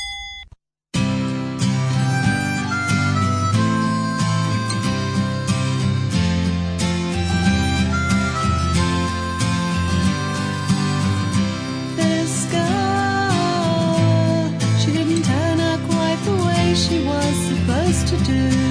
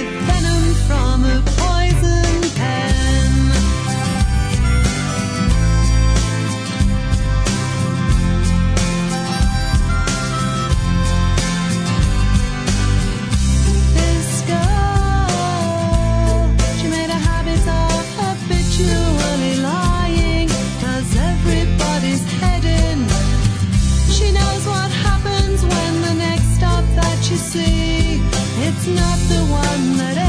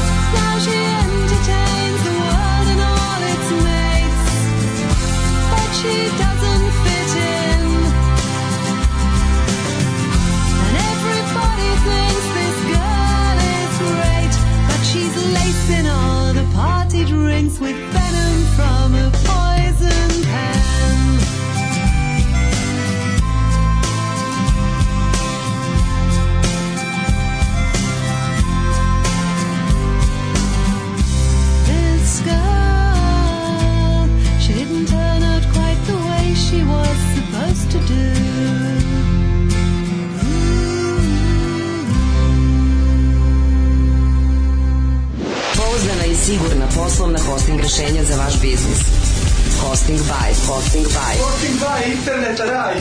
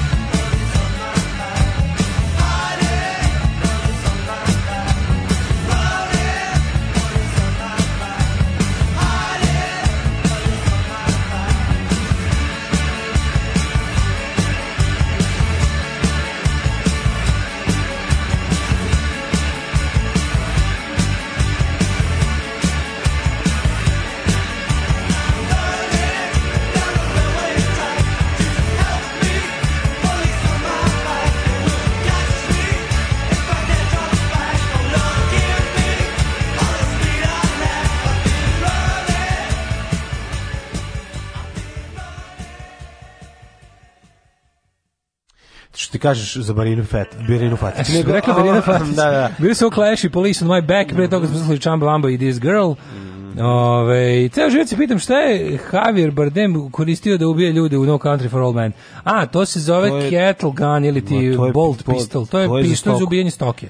To se zove da, pištol za da, pištol za stoku, da. Bolt pistol se to zove i mm. to mhm. je ovaj za ubijanje stoki pred preklanja, mislim. To je kao pa- human, humaniji način da se ubije e, krava ili svinja. Jezivo. Ove, to ovaj- ide, ovaj um, mislim da uh, unutra postoji, ako se ne varam, kapisla koja opali i gurne taj metalni mm. šilak u ja ili mislim nije kapisla mislim da je hidraulički mislim da je neka ona hidraulika u ovom a u kod nas u, da. u Vojvodini se koristi ima sa kapislom. struju ima i na, da, na da, da, da. Mm. A, kažu ako moram da vam kažem da i dalje postoje deca koja žive i rastu u duvanskom dimu mm. kosice i mirišu kao da su po ceo dan kafani i garderoba ništa 21. Da. vek, vek. tako su njihovi roditelji rasli pa šta im mm. fali tako kažu svoj odbrani tako kažu da, da da da da užas užas užas Kažu, ju što bi sad zapalio O... Ovaj. Ja ovaj okačim kada dođem iz popularnih kafana koje volim, ja okačim uh, svoje stvari na terasu i celu noć na terasi uspe da izvuče deo tog mirisa, ali ne može sve. Gost na jedan lik što je pobegao iz PSG Olenik kad bi se pridružio u Liberku jednom drugom iz Telekoma, koja bi to banda harmonikaša šibicara bila. da, to su ovi iz, izlazničari na izboru. Ovi, da. da. O, Divlja Jagod ima novi album. Moj. U, nemoj zezati. No, ali ja cenim. Spod za, kaže, spod za jednu pesmu snimljenu Soul Peddleru. Mlađi izlazi Soul Peddler zatvora. Stvarno. Izgleda da kraj, da znali smo da tako nešto nešto dobro ne može. Zatvara se firma, zatvara čuo da se proje. Da, čuo sam prostor. da se fabrika seli odatle, da su nešto, ne znam, ne bi da širim glasine jer sam čuo svašta, ali je prilično izvesno da su tipa u nekoj zadnjoj fazi. Ja se nadam da, da, da, da se to neće desiti. Ma da da mi kupim još ploče? Ja sam više svakog meseca. Znači, Čekaj, zatvara nisam, se... Sol... Duši, ja sam kupio sve što želeo. Zatvara se... Sol... Nisu poslednjih nekoliko meseci nisu imali novih stvari. Znaš, tako da, da, verujem da, da, da ovi što kažu da se zatvara fabrika i prodavnica novih ploča u Novom Sadu, mene to apsolutno deprimira. Ove, ovaj, Baš mi ža. Da. Um, ajmo da vidimo šta ćemo prvo. Idemo kod, ovaj, kod gaze da razgovaramo, da napravimo Patreon da otkupimo prodan, da. fabriku ploča da. i da nastavimo da radimo. Šta ćemo ovaj, prvo? Hoćemo, ovaj, šta smo juče... Zaposlimo mlade da rade i da bude neprofitna pa- fabrika ploča, samo da se vinili vrte.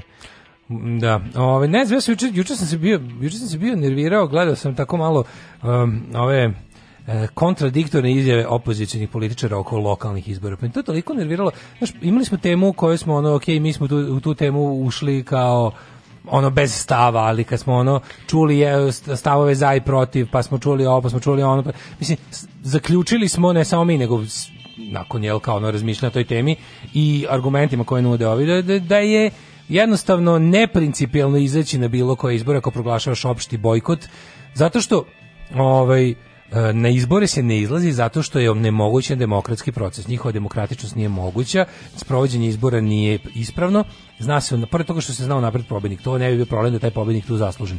Znači, jednostavno, znamo zašto ne izlazimo na izbore. Ne izgovor, izgovor da ti izbori mediji, mogu mediji biti... su okupirani, mislim, to je, to je cel tre, To je četvrti razlog. Ali Šta je četvrti? A prvi razlog je što je pa ono... Utakmica, bre, nepoštena. kaže kada nabraješ jačine razloga, A, pazi, nisu imali ono pristup, eh, kako ti kažem, pristup velikim medijima nije imala ni opozicija, ono, 90. pa izlazila na izbore. To nije, nije samo po sebi, to jeste jedan razlog, ali nije dovoljan razlog. Naj, najveći razlog za bojkot izbore je to što je demokratski proces onemogućen kroz ucene i teror. Pa tako je. To je. I što nismo sigurni da je brojanje glasova pošteno. Znači to je, to je ono što je ono znači nema minimuma demokratskog procesa na izboru i zato ne izlazimo. I sad ideja da će u sredinama gdje opozicija, mislim naša ono ideja da će u sredinama e, gdje opozicija trenutno ima vlast na lokalu, to moći da se izvede ljudi. Morate znati jednu stvar, vaš gradić koji je sticem do srećnih okolnosti slobodan, je neće biti izuzeto crni džipovi. Crni džipovi neće doći iz Šapca u Šabac, neće doći iz Paraćina u Paraćin. Ne. Doći će vam crni džip u Šabac iz Sombora. U Paraćin će vam doći džip, džip iz, iz Šapca. U Pančevu će vam doći, znači oni promešaju karte da onaj ko te maltretira ne bude neko koga poznaješ. Zato što pod jedan teže da te maltretira nekoga poznaješ, onaj koga ti poznaješ, a drugo E, ova ta, oni imaju imaju razrađen da, sistem. Da, možeš reći da ne razumeš znači, ljude iz e, malih sredina, ne, ja ne, kažem to, da- to razumem ih, ali hoću da kažem da su krivi, da su, to je zabluda. Ali razumeš iz prostog razloga zato što... Um, ja ne mislim da su oni zlo zlonamerni. Znaš kako izgleda život uh, nakon jeste, promene vlasti u maloj sredini. Znam, znači, ne znam, ja znam, ja znam čega se oni plaću. da, možeš da zamisliš. Nije to toliko mala sredina, to su gradići, razumeš, to nije, pa, nije baš selo. Ali ti kažem da, ovaj, šta imamo? Imamo situaciju da morate znati sledeću stvar. Znači, i, i ako imate najbolje namere, iako želite da sačuvate, da, da, on to se neće desiti. Znači ne, nema nikakve šanse da da vaši pobede na tim lokalnim izborima. Srpska napredna stranka neće ponoviti tu grešku.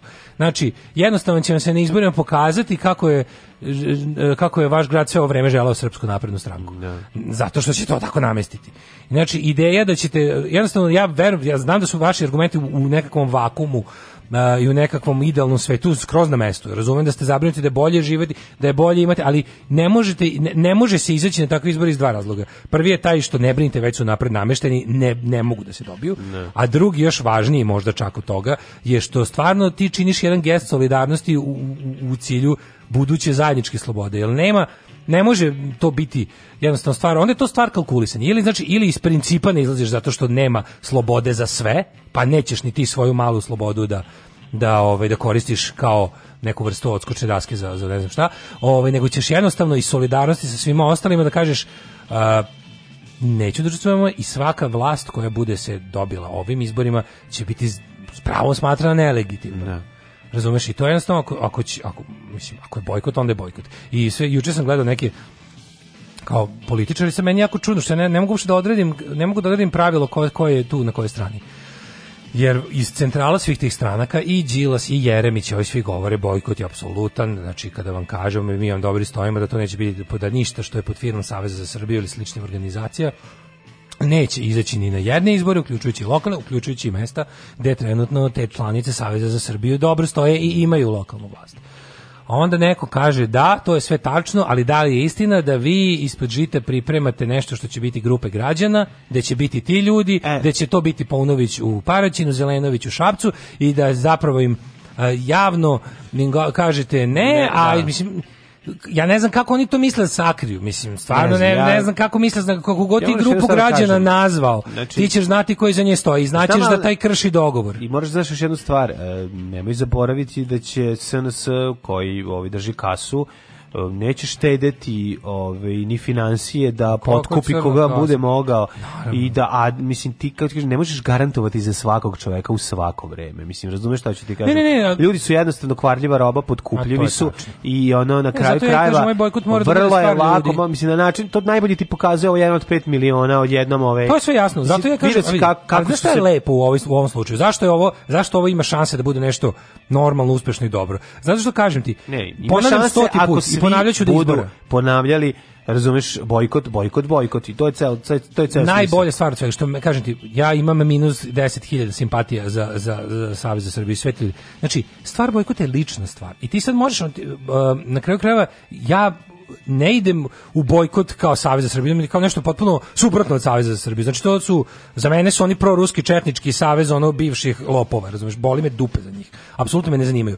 Ali ono kao e, zanima me da ljudi prihvate bojkot zato što kada kada jednostavno što je stvar koja onda mora, može, može i mora da uspe u tom slučaju, jer kad si ti ono kao sam sa sobom odlučiš nešto da baš me briga zbog čega si ti to, mislim, i, to je jedna od onih stvari da ćemo se Boško Obradović i ja naći na istoj strani sticem istorijskih okolnosti tužnih. Pa, I onda kao svako će svojih razloga ćeš neće ti otići. Prvih 10 minuta njegovog izlaganja sa njim u nam Kažem ti, stvarima. Naš, da, tako da. da, ono kao, znači, ali... da se podsjetimo zašto ne idemo da. na izbore u krajem aprila. Mm Zato što nisu demokratski, zato što su namešteni, zato što vlast koristi svoju poziciju, da uceni i zastraši ljude da glasaju za njih zato što nije omogućeno posmatranje demokratskog procesa, što nije omogućeno posmatranje demokratskog brojanja glasova zato što i zato nisu što demokratski. nije moguće nikom osim vladajućoj stranci da svoje programe predstavi na medijima. Zato i zato ne izlazimo i zato to važi i za lokalne, to važi i za e, republičke izbore i znajte da nema, znači uz najbolju namjeru da pokušate da sačuvate svoje slobodne teritorije, to neće biti moguće. Apsolutno neće biti moguće.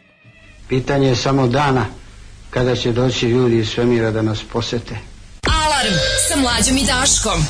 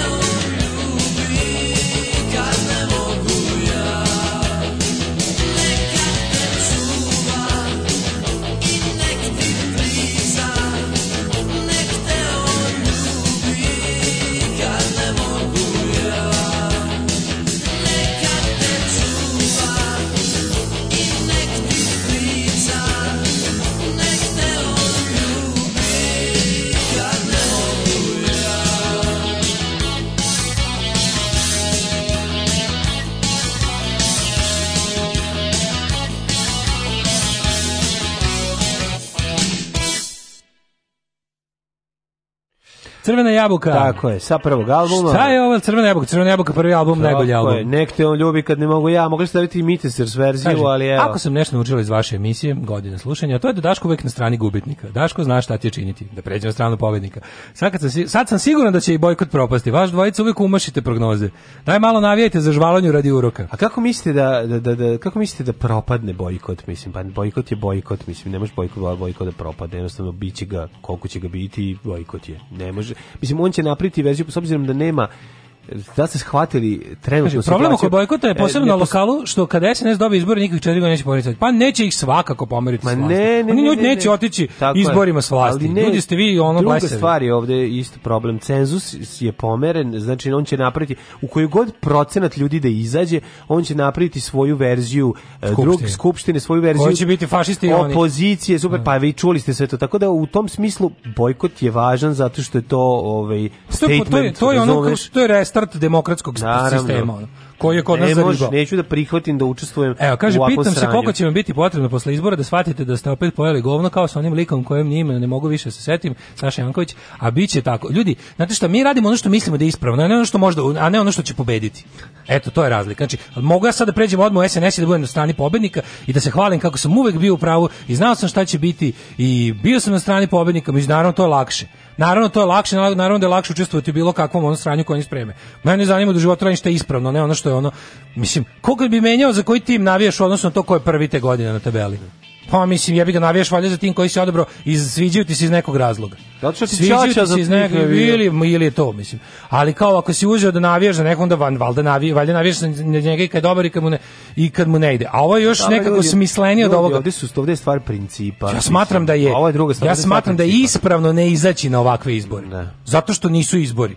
Znači iz istog razloga zbog kog ne idem da igram ono kad šibicari postave ono otirač ispred ovaj pijace i uzmu tri kutije i kuglicu i ne, zašto ne igram zato što ono kao ne smatram se budalom zato što nećeš da skineš prozor da ti pokažem kako se radi da, a da ti zaradiš a da naučim nas znaš mislim to sad nema ni stvar kao da li ćemo mi biti pravilni ćemo da li će Vučić nešto uspeti pa verovatno će uspeti ono kao eh, ne želim da učestvujem u tome ne želim da mu dajem legitimitet ajde ne, ne, ne idem na onaj kao stari razlog tipa nemam za koga da glasam, to obaška. Našao bih za koga da glasam kada bih verovao da glasanje ima smisla u ovakvim okolnostima. Znači ovo je potpuno svakom je jasno. Ljudi, kako gde vi živite, vidite na šta liči izveštavanje ono svemu, vidite kako to izgleda.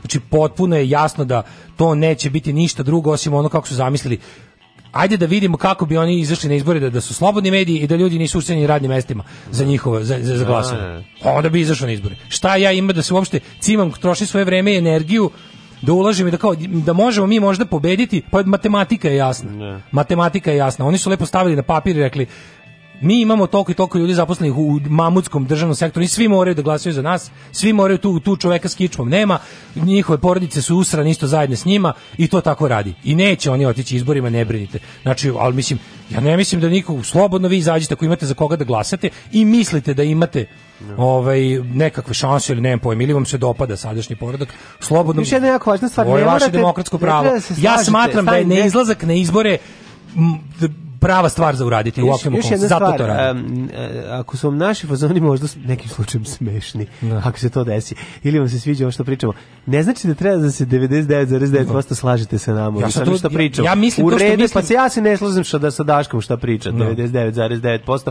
nekada čak ni 50%, nekada bi ga udario, ali to nije sad to stvar, dakle, e, stvari principa, dakle ovde su ovde stvar principa, mi se držimo tog nekog principa kojeg smo ovaj do kog smo došli e, razglavajući ovde svakodnevno po 3 sata i, i to je naš stav. A vi imate svoj svoj stav koji može da se razlikovati od našeg stava. Nama ne, je bitno ne. dok da uplaćujete Patreon, a ne da se ne slažete tako s nama. Je. To je suštinski. Nismo pro... mi verska da, zajednica. Tako je. Mislim. Jedino što imamo zajedničko s njima je da tražimo donacije. I tu završava se svaka sličnost. Kaže, niko bre nije ni tvrdio da vi ste svi pogrešni, nego ste teški baksuzi, to vam kaže. Pa i to je moguće, da. da. Tok sam navikao na da miteserašku verziju ove pesme, da sam zaboravio koliko je originalna verzija super. Jeste, pa dobro. onda da. kaže ovako, e, 1943. Daško je mlađa. Priđimo narodno slobodilačkoj borbi, 1945. Vraća se kralj iz Londona. ne kažem, znači, za mene, mi baš, ne, ja sebe smatram kakvim takvim političkim aktivistom ceo svoj odrasli Ja sebe ne. Ja sebe da.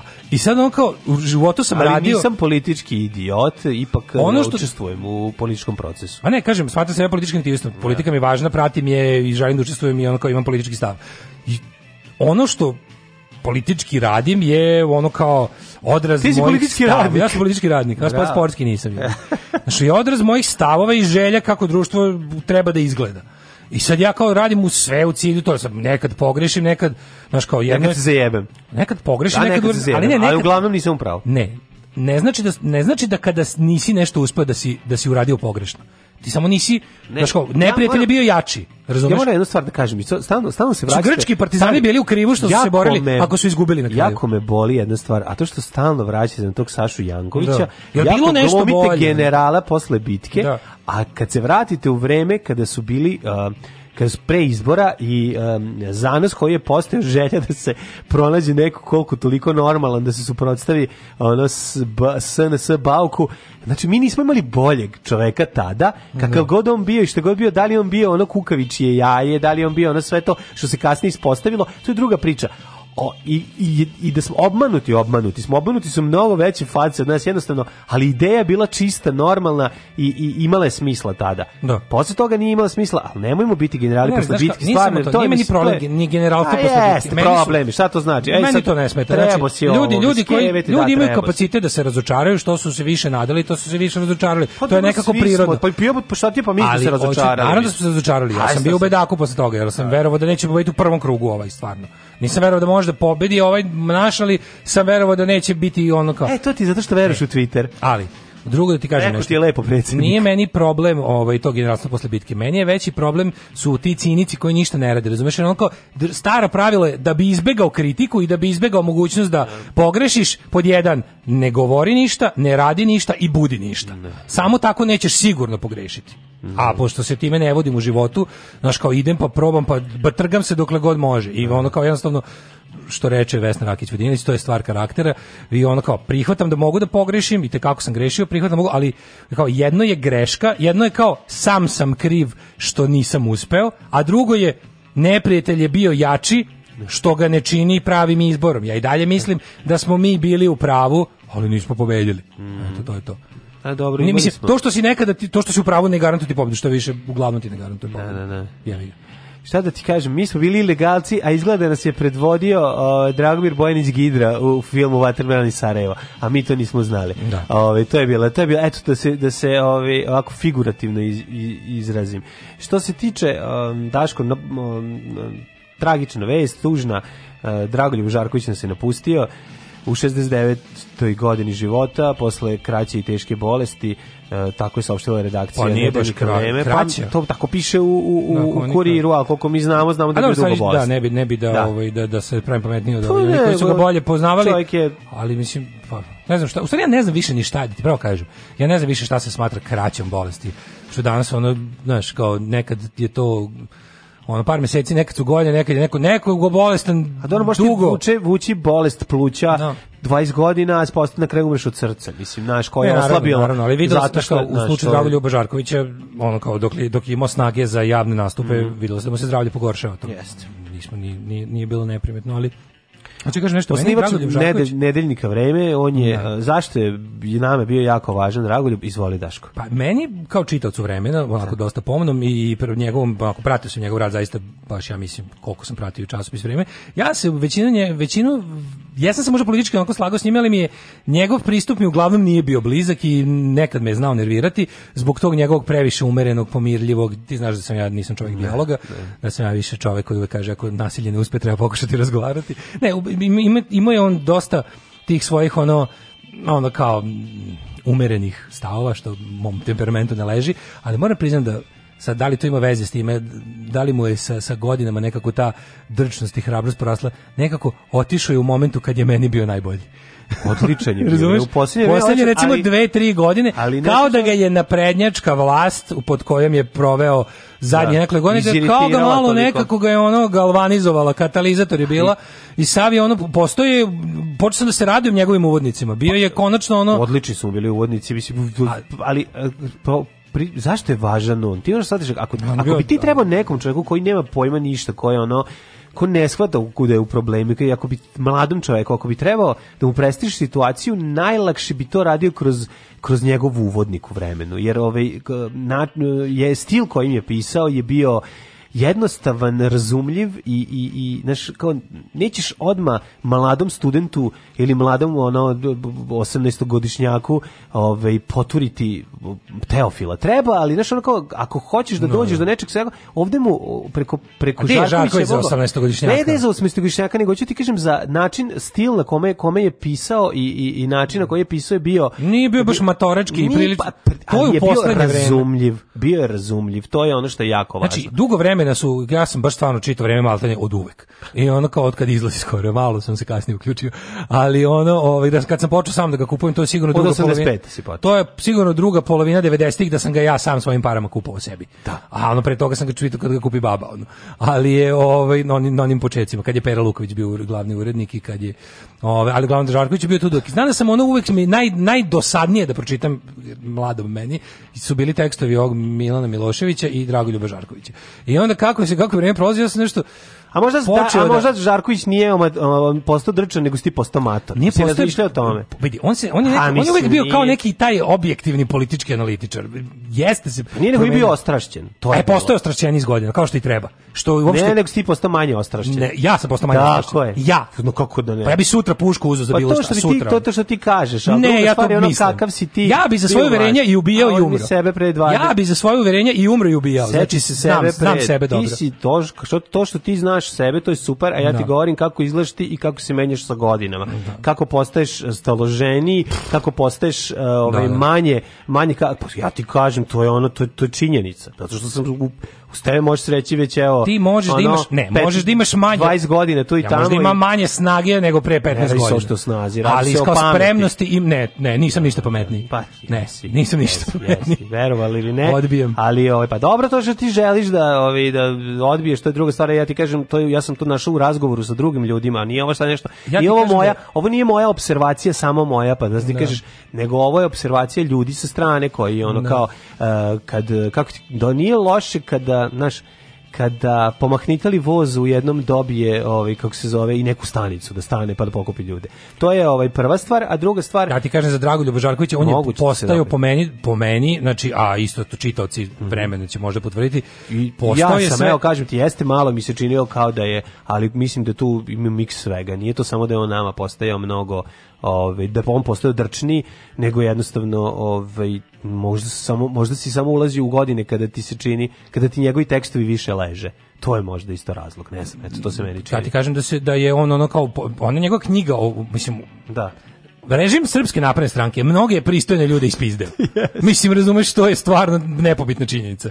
Pogledaj yes. koliko ljudi, pa iz, čekaj, za koga si ti rekao skoro, ne mogu da se setiti. Pričali smo o nekom i rekao si kao, Jebo te, ako je ovaj popizdeo, mislim, ako je ovaj počeo da, da psuje, da, ako je ovaj počeo da se oglašava, da, da znači da, za koga smo to za nekog isto tako je bilo neko koga smo smatrali uvek na našoj strani, ali ne bi baš očekivao da ga vidiš s letvom ako dođe do toga. Mm -hmm. E pa sad su ono već mnogi ljudi kojim ma je zdrav razum bio, ono razumeš kako se zove jača strana je ovaj kako ti kažem su su Mm, što, što bi se reklo ostrašćeni. Da, Postali da. su ostrašćeni, što je za mene nikad nije bila ružna reč. Pa ne mislim da je ostrašćen ruž, ružna reč, ne, ne, mislim, sve je okej. Okay. ljudi, ljudi koji beskrupulozno nama vladaju su ljudi apsolutno spremni na sve. Ono, ono, on, kada sve sabereš i oduzmeš, ono što fali našoj strani je rešenost, da budemo rešeni kao oni. To je sve, razumeš, to je ono što nam fali. Re, njihova rešenost. Sad, Jedino što je problem što u ovoj zemlji uglavnom rešenost ide uz pokvarenjakluk. Pa da, ali ne, ne, A ja znam. Teško ćeš te, ne, kad kažem... A ja znam, imam primjer iz istorije u zadnjih 100 godina ovdje je postojala grupa rešenih ljudi na pravoj strani nekada. I znam da su uspeli ono i u mnogo težim vremenima i u mnogo težim uslovima i pošto znam da je to ljudski moguće, zato se zato zato verujem i dalje i zato se neću predati. Niko ti ne naravno ni slučajno nema predaje, to mi smo pričali ovi 1000 puta, nego se se radi o tome da um, ko će mislim stalno kad govorimo kao kad nam premine neki značajan novinar, neko čovjek koga volimo da čitamo, ko je na našoj strani, ko je oblikovao nas, zanima, kao, uvijek se pitamo ko je taj kao ko će naslediti njega. Mislim on je okupljao tu ekipu, razumeš? On je bio no, ono ne, jako ne, ozbiljan. Neko juče juče je u, u, u, naš bio on je, jako... on je odličan glavni urednik. On je pa, najbolji glavni urednik. Pa, znači on je bolji od svih glavnih urednika svih drugih listova jer je znao da na jednom mestu uvijek je štitio integritet redakcije. Je. Često je podmetao sebe tamo gdje je trebala redakcija da, da, dobije danglu. Onda je drugo e, juče Vaden Nemanja Rujević napisao da. odličan tweet kad je kad je Rujević bio student pa im je nešto predavao ili bio, ne znam šta je tačno, u kom svojstvu su našli na fakultetu političkih nauka na smeru novinarstvo je Đorković mi nešto pa jeste predavao, predavao da. nešto je predavao i onda i onda ga je neko student pitao da im za ne znam kakvu ovaj vežbu iz ne znam čega ovaj da primer ovoga e, ne, kako se piše neka vest, reportaž ili tekst, primer pisanja nekog teksta. Rekao, ja da vam pišem, pa ja sam glavni urednik od kad znam za sebe.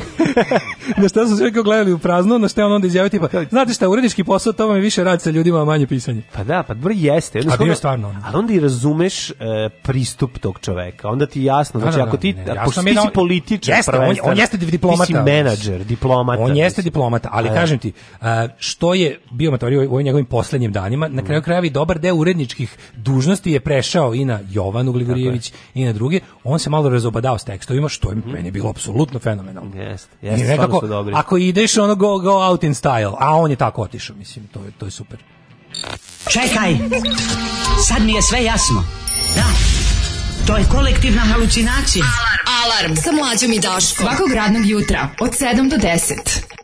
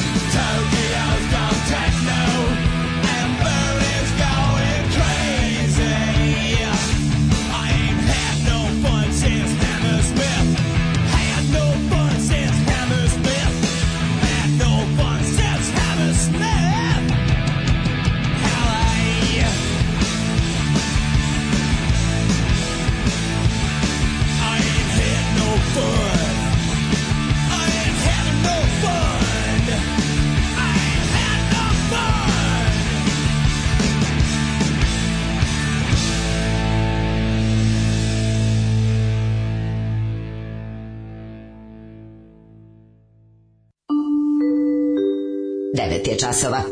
Radio Daško i Mlađa. Prvi program. 9 sati i 2 minuta u trećem smo satu našem istije za 6. februar, sunčan dan, minus ladno, trese se vilica. Ovaj ovaj raspad na kraju fali još jedno uzbudiličarsko slash alarmdžijska poruka, fali će nam žare to kašljanje u emisijama političkog sadržaja. Fali. Može, to je da bilo baš lepo. Da, ovaj. da, da. kaže, ljudi, njih prosto ima više. Ljudi ih pravih, levih ili čak liberalnih svatanja neopterećenih stegama, tradicije, crkve, paganskih običaja je prosto malo. Ja lično znam gomilu pristojnih ljudi kojima su ovi ispod svakog ukusa i morala, a koji se opet kad dođe do teme Kosova ili srpskih svetinja pretvaraju u neke Obradoviće i Jeremiće. Naprosto smo na neki način još uvek plemensko društvo, suštinski neobrazno i zatuzano tačno i to se mora menjati. Mm -hmm. Ovo kazna za defetizam i streljanje, to zapamtite. No, ovaj, naravno da neprijatelja ima više, ali šta da radiš, mislim, e, revolucija dobija revolucije dobija e, posvećena grupa profesionalnih revolucionara kojima se kasnije priključio široke narodne mase. Kaže, u, dobar bend, da, ovo ovaj je bio Demolition 23. Da, da, Demolition 23, ovaj- inače produkciju je radio Little Steven, to je mala zanimljivost, kad smo bili klinci. On ih je i okupio. I pravili demo, ove, ovaj, onda smo nosili ovu kasetu da kažemo, izvinite, ali možete nam napraviti ovakvu produkciju, kako da. je to bila? A, A našli smo Demolition 23. On kaže, može, može, može, da kasetu i krene da, iz, da, da, da namešta nešto, a mi gledamo kao tako se radi produkcija kako da se izlevati Koliko je to medeno bilo. Do, nek, ono su pomerao neki vilajzer. Pomere vilajzer kao pravi istu produkciju da bude i ovo. A mi ono snimili majko, tu plač majke Božije. Nije strašno umreti, strašno ostaviti na prnjaka na vlasti. Kaže, staloženi, staloženi, pa on će eksplodirati svaki sekund. Ne, da, da te vi Žarković kako... jeste ispizdeo od kad su naprednjaci na vlasti. Ono što je meni smetalo je što je delio dobronamirne savete umjesto da ih svate u kurac. Ove, e, nikad neću zaboraviti Žarkovića nakon izbora 2016. kad je ovaj pomeo sve u studiju N1 kad je vidno iznerviran, verovatno i trgno po koju pa rekao sve što ima na duši dok su ostali glumili pristojniti. Da. Ove, Vola sam ga kad bude onako pre kašljanje, kad malo, kad mu krene onako pa da. tu se vidi da je ove, verovatno zvekno koju. Uglavnom nema predaje, ovaj, la lota continua, a mi u trećem mm. satu ćemo da se otrujemo. Pa prvo ćemo da se trujemo. Idemo još da se utucamo. Jo, ono stvarno, znači... Pa vidi, ovo ste verovatno svi već do sada jeste, čuli. Jeste videli, ali morali smo da ga, mi smo mu dali Naravno, vremena. Ostavit ćemo, da ostavit ostavićemo još dve pesme da uživate, a onda ćemo zajedno da analiziramo e, savremenu srpsku trep e, režim znači, scenu. vama je jasno da će... Režim trep scenu. Ne, osam, vama je jasno da, da će SNS... A, a, ovo, ovo je jako dobar nastavak priče o, o o važnosti bojkota. Zašto? Zato što šta god bilo, mi znamo da će oni napraviti sve svoje. Znači, spustili su cenzus, dovući da će naprići svoju lažnu opoziciju. S jedne strane će staviti Pirera, s druge strane će staviti Vazića, s treće strane će staviti radikale, imaćeš ono kao, jel želite ovo, jel, jel ovo Srbija koju želite ili nas pro proevropske koje i tako će praviti. Sve e, to, će, napravit će parlament u kom će biti nacisti, da, e, u kom oni, će biti da. usamljeni čanak i čeda da glume kao preterano ne, evropejstvo, da, ovo, da, kao, da, ovo antisrpsko, mm. ovo, ovo prebrzo evropejstvo da, i oni u sredini kao glas razuma. A oni će napraviti, verovatno, verovatno, sve svoje, znači bukvalno sve sve, po tim sve svoje mislimo i svoju trep scenu. Znači, ve, koliko je to apsurdno i nenormalno, ali ali finese su tu. Znate to kao kad... imamo pravo da u tome ne učestvujemo. Pa, ja bih rekao imamo i dužnost da u pa tome ne, ne učestvujemo, ali pravo sigurno. Ali imamo ali imamo i ali moramo da se smejemo tome, mislim. Moramo se smejemo toliko tome, da. nenormalno, toliko odvratno i glupo da se tome moramo smeti. onda možemo da vidimo ka, šta je pravi ume, umetnički performans, da vidimo kako je čovek sa 99 telefona napravio haos na no. Da. ovaj kako se zove Google-u na Google Mapsu, to je još jedna stvar. I ako stignemo, imamo još jednu interesantnu temu sa vaćarenjem stewardesa, ako nam vreme dozvoli, zašto da ne. Samo da kažem nešto za bojkot. Pričali smo sad dok su išle pesme kao, kao bojkot će uspeti ili neće uspeti. Ljudi, na poslednjih ono 10 izboru u Srbiji bojkot manje više uspeva. Znači, ljudi već ovako kakva situacija ne izlazi na te izbore uglavnom iz pogrešnih razloga. Sad kad imaju pravi razlog da ne izađu, znači bojkot se poklopiti to. Ima se da, poklopiće se dve, da, napraviće da. se perfect storm. A drugo ono što imam da kažem, mislim, to nije za mene, kažem, to, ako to, to će uspjeti ako ne bude stvar političara. Mene baš briga da talovi i njihovi, ono, da li će me, da li će me na kraju u zadnjem trenutku Đila zajebati i reći idemo na izbore. znači kao, neću, neću, kao što ne izlazim na izbore ne zato što mi je to rekao Đilas, tako neću ni izaći kad me on pozove ako se on za trenutku nešto dogovori ili mu ovi iz Evropske unije kažu izvini ima da izađeš na te izbore da te ne bismo ono otprilike zauvek zaboravili u svim sledećim kombinacijama, a pošto verujemo da želiš da se baviš politikom do kraja života, trebaćemo ti. Tako da koliko uspeće na u, bojkot će uspeti ukoliko bude stvar građana, svakog od nas. Jel stigla penzija? Stigla je. Ne možemo mi od toga živati. Alarm svakog radnog jutra od 7 do 10.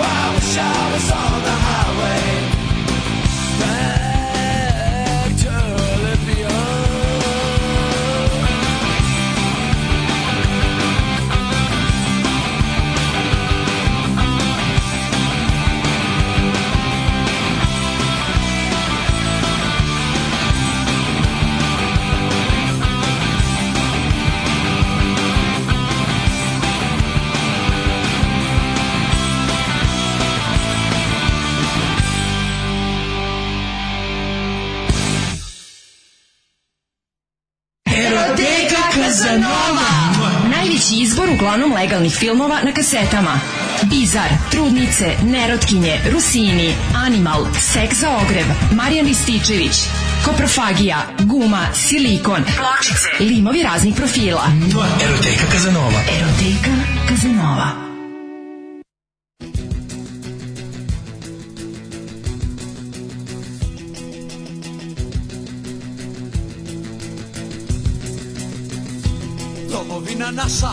bila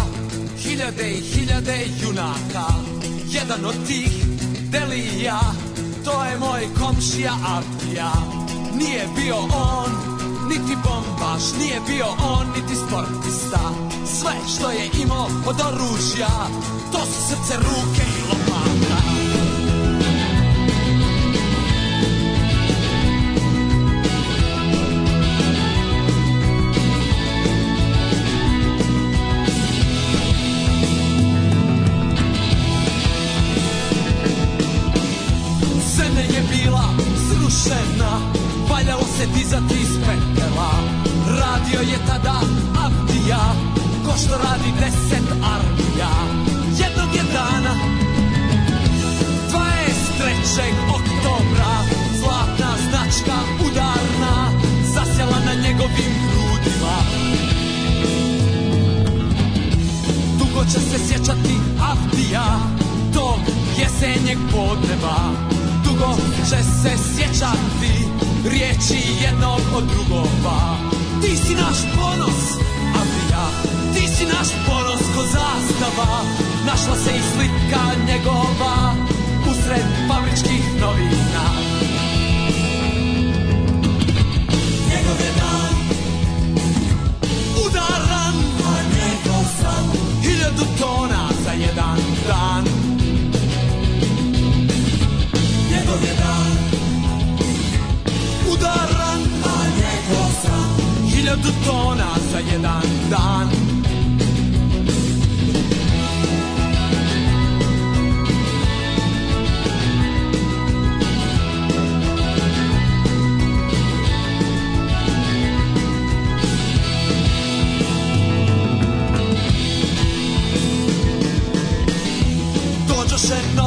vremena Izgubi se negdje Alkija Zaboravi smo svi na njega Imamo dovoljno bagera Samo ponekad pred prvi maj Zove ga direktor osnovne Da uveliča proslave Priča anegdote i podvige Tog dana Avdija Pokupi pakete i ordenje novčanom razredu Počasno mjesto zauzme Prije nego prekrice izađe Koju ljutu popije Kao pjesnik što ne vjeruje U vlastite stihove Njegov je dan Udara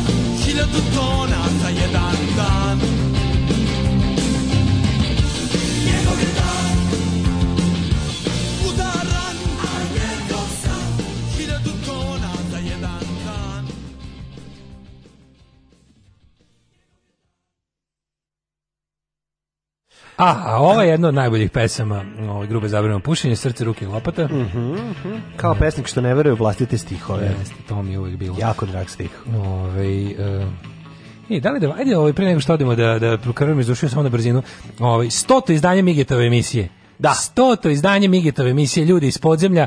A, sinoć je bilo 100. radijsko izdanje u subotu koncert u domu B612. E, Mige vas da, poziva na da, koncert. Miletićevoj ulici. Jeste, Miletićevoj, juče smo išli da vidimo tehnički, pošto će se ovaj mlađi ja ćemo da, da pre, pre ovaj Da svirke, otvorimo. Će da bude da svečano otvaranje, live emisija, mi to ćemo odande, A, biće jako slatko, posle toga svirka svira, svira najbolji krem ovaj, balkanskog e, i srednjeevropskog eh, panka. Mm -hmm. evo, Migi vam poklanja a, dva, poziš, kako dobro smisla, dva puta po jednu ulaznicu.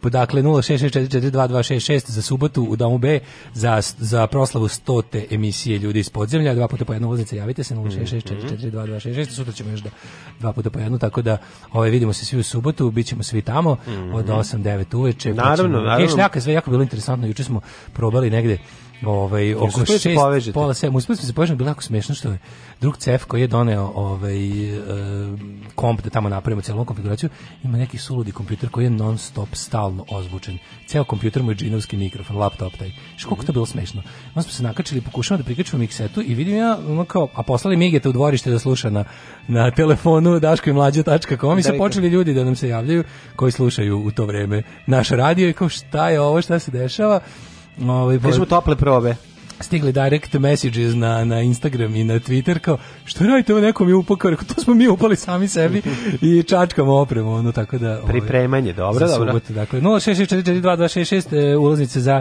e, stotu na ovaj e, koncert povodom stote emisije ljudi iz podzemlja. Mm -hmm. Pozdravlja vas i Stanislav Hočevar, a sada će da vam bude teško. A sada da vidite ljudi iz nadzemlja. Istina da su mnogi, možda čak i većina su vas su čuli ovo. A čuli su svi, ali moramo pokazati. Mi smo ovo štedeli, štedeli je, nažalost, još u subotu smo čuli, jako je teško ovaj, ovako stvar sakriti ovaj, od ljudi, ovo je stvarno blamčina prvi bot rep na, na, ovaj, na, na, na svetu, ja mislim.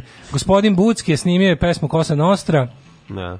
I ovaj To je prvi SNS botovski rep. Znači videli smo do sad je bilo raznih hvalospeva, ovaj u vidu usamljenih psihopata i ljudi bez talenta mhm. koji snimaju ovaj kako bih rekao slavopojke E, Aleksandru Vučiću i partiji bile ono sirotica. No, Klan su to ljudi za ono da, za ustabilno mentalno da, zdravlje da, da, da ili da.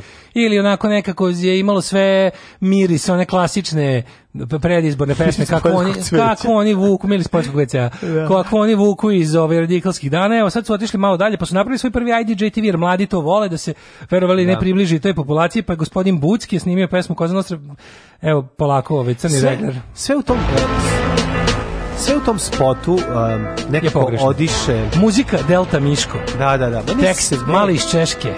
Aranžman. Mislite da Srbi jako slabo pamte, U zemlju propali bi da za sramotu znate Al nemate vi obraza, stida niti srama Znate šta je nasilje, buka i galama Do svega što smo sanjali, što smo hteli Sigurno nas vodi onaj fašista iz dveri Vi je mladi šta i vođa revolucije Testerom on upada u javne institucije E pa da vam ovaj narod nešto kaže Ovo je Beba Popović pisao Žuta vlast, opet da nas laže Niste žetom mene, al maltretirate žene Maltretirate žene Posla, preko, preko Čilasovog mosta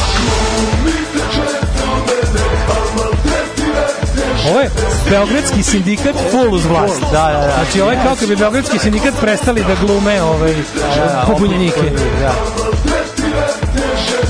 U vaše vreme niko nije imao posla, napalili su preko, preko Čilasovog Ne, jako mi se vaše vreme niko nije pa, zapalili su preko da. Beđila sa ovim. Da. Pogledaj Bucko. Ne, Bucko izgleda, Bucko izgleda kao reper sve za 99. Znači, sve, ceo... Tripac Đilas! Onaj tripac Đilas! Znači, a skontane da sve u tekstu je ono... Uh, timeline, timeline uh, novina. što Tu uzmeš da plaćaš naslovi informera, to su, to su delovi pesme, naslovi informera. Vidi. Jeremića Vuka, na njoj Ajmo sad. Seva oco soma zlata čuka. Pošteno je zaradio, ne treba kontrola. Čak je uradio i Patrika Hoa. Dragan potrošio sve što je Ali ovo je, znaš ko su, ovo su Dra Dragan Jevočićević i Beba Popović da, jes, jes, jeste, Ali Beba Popović, možda je pomagao lik iz Beogradskog sindikata, on je ipak radio Opet danas laže. Ali anonimno. Ali ovaj lik što peva sa tom krestom, taj taj i onda sve, ali svik je tvitova gde se no, pretirate žene. Da, da.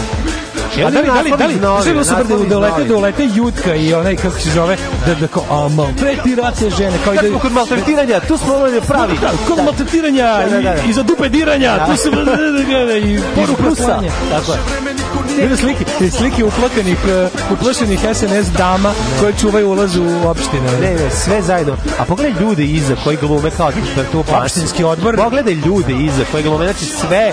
Ove, molim vas da se ova lica upamti. To je e, to Dobar, lice. Super što, super što je sausage fest. Nema da. ni jedne žene. Na, naravno, ne, mislim da se... Pogledaj čoveče, znači, oni, će oni, oni treba da izađu posle negde u grad. Tripak, da negde, tripak tripak živjelac. Sam misliš vidiš Bucketa negde? Ne, ali pogled Bucketa, sve na njemu je koliko će sve je pogrešno. Koliko će se Bucke najsti sperme i pljuvačke u kafićima? Pa ja ne u, u, kafi i soku, ono. Pa stvarno ne znam, U, u da. piću, u bilo čemu što. Bucke, čoveče, Bucke će biti, ono, da. bukake, ono. Pa ne, meni je, meni je strašno što... Znaš kako se budski dobro ne Svaki piksel, na tom, svaki piksel tog spota je neprijatan. Znači sve od, od lika i na a, teksta. Pogledaj nepotrebnih dva više minuta od onog čega je bilo, pa da. ponavljaju ovo u raznim Pa pa naravno. Ali zašto me ne zanima? da bi nekako bilo ipak vreme Đilasa su sa svi napuštali Srbiju, a za vreme SNS se vraćaju. Se vraćaju. Evo došao Goran Davidović. Pa to ti kad dajde. Vraćaju se. Vraćaju se najbolje. Dobro, za sad nacistička govna, ali šta hoćeš, mora negde od nekog da krene. Strašno, da, znači, ja ne mogu da verujem. Ono koliko, je, koliko je sramota. Šta je najluđi od celog budsketa? Celog znači, ovaj, ovaj kao da si otišao i kupio Hoću da kupim jedan ne, ne, hoću da kupim trap band domaći. Ovo je više nije baš trap, ovo je više kao beogradski sindikat trap. To, idem da, da kupim to, ali šta, otići ću nemam baš para, pa ću otići u kinesku prodavnicu, pa ću kupiti tamo neki CD. Zašto moguće da neko, ovaj, pošto znaš da pola Beogradskog sindikata radi u državne institucije, moguće da, da, da, anonimno, stoji da su im prodali matrice. Vidi, ono, da se razumemo, uh, talenat, e, ta pesma ima sve ono početak, kraj. Uh, Beogradski sindikat jedan kroz jedan. jedan kroz to je taj da, zvuk, da, to je taj stil, to je to navijačko pevanje u repu, kao, znaš, kao da. taj, on ruski naci rep, razumiješ? Ruski naci rep koji se primio u Srbiji, odlično. Jako jadno. I sad imaš ovaj, ali znaš šta je najluđe od svega, što kao oni to je kao pesma treba da bude kao to je pesma tog pravog naroda, siromašnog, Narod, da, ono da, kojeg, naroda kojeg je Đilas upropastio, ali da bi pa kao malo imali i rep kredibiliteta, oni čuče na nekakvom BMW džipu koji košta 100.000 evra. I znači, onda mi nije baš pa jasno, pa absurd je totalni. pošto Bucke pola spota sedi kod kuće, gleda Đilas na TV-u i nervira se, koji ima, a pola da. spota a... je podigo nogu na prednji točak BMW i kao jebo mamu, ala zašto imam, zato što BMW? je sada bolje. A zašto su stavili BMW? Pa valjda je sad Vučićevi Srbiji svako može da ima Ovaj BMW ako se ako ako ranije dođem posao malo ako ono znaš, ako krenem 7, ako počne radi kad je Vučić. Tako da mi je to najveći mind fuck da ono kao isto vreme da, da, teško, upropašteni smo. Priča se o ču, Čuki od 100.000 koju fura Jerević, ovaj stoji pesme, na auto koji košta 100.000. Light motiv pesme koje se ovaj koji se stalno kao maltretirate žene. Maltretirate žene. A pa to je bila malo ugašena priča. A, zato što je ono kao treba podsjetiti narod. Pravili su tekst na osnovu, on daj mi februar, daj mi januarski ono informer, daj mi da, sada... Da, šestomesečni presek tek tako e, je, informer. I on, e, tako, i tako su pravili upravo naslove. Upravo znači, tako su, su slagali. U zadnjih šest meseci informer, pa Beba i ovaj DJ Vučićeviću pisali tekst, a ono škabo im pa pozajmio matricama. Mogu bi tu i Željko Mitrović da umeša prste. Znaš, ima tu, da. jer on je talentovan. Znaš, sve da. zajedno tu, kad ne znam ko tačno stoji iza ovoga, ali neosporno je da neko rep iskustvo ima taj koji im je ima, kažem ti, podelio ovo je to. to. Mada, ja mislim da kapiram da, da postoji neki ono po čemu se to pravi, nije Fruity Loops, ali koji je to već neki program u kom se pravi to sve. Verovatno postoji već ovaj, ruska ovaj- naci ovaj, rap matrica. Da, ali ti nije ovaj, ovaj debeljko koji to izvodi? Bucke! Bucke je nekako ne znam, ima ima taj ne, ima nečeg zna. vir virkastog u njemu. Si, ima ne nečeg, što će da ima nečeg ono kao ima ima sve, ima sve tako prodavac na pijaci da se ne lažemo. Pa znači pa, ono da, da, pa... prodavac na pijaci. I onda ima tu sa te strane ti imaš neku mrvu simpatije za njega ne. Da. jer, jer ono kao, nije... znaš da je stvarno nemač. Mislim, Bucki izgleda da. kao Nemač. Pa ima da. taj ono, ima pojavu nemača, razumeš? Ima Mislim, razumem, je... razumem zašto je prihvatio ovo. Znaš, nemači, vidi se da, da vidi se da su ne, vidi se ne, da ne, se vidi se da ne samo da džip nije njegov, nego ni patike nisu njegove. Evidentna je pojava, na primer, da pojedine starešine zloupotrebljavaju čačkalicu. Molim vas. Izvolite. Imate čačkalicu? Ne, ne držimo čačkalicu. Hvala. Alarm sa mlađom i Daškom.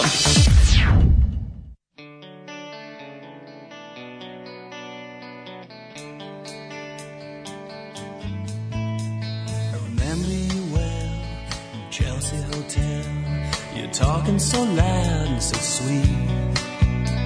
You were giving me a head on the unmade bed while the limousines wait in the streets.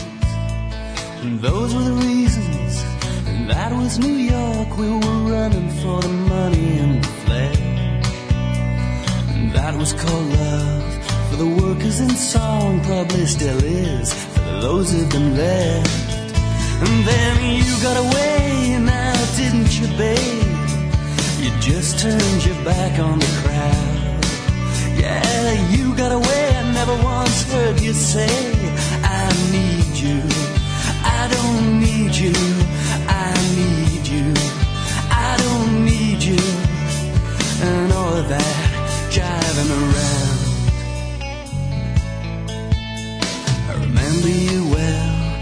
Chelsea hotel. You're famous, your heart was a legend. You told me again that you preferred a handsome man. But for me, you would make an exception. And clenching your fists for the ones like us who are oppressed by figures of beauty. Yeah, fixed yourself, you said, well, never mind, we are ugly, but we have the music. Nanny, you got away now, didn't you, babe? You just turned your back on the crowd. Oh, you got away, I never once heard you say, I need you. I don't need you, baby, I need you. I don't need you. And all of that jiving around.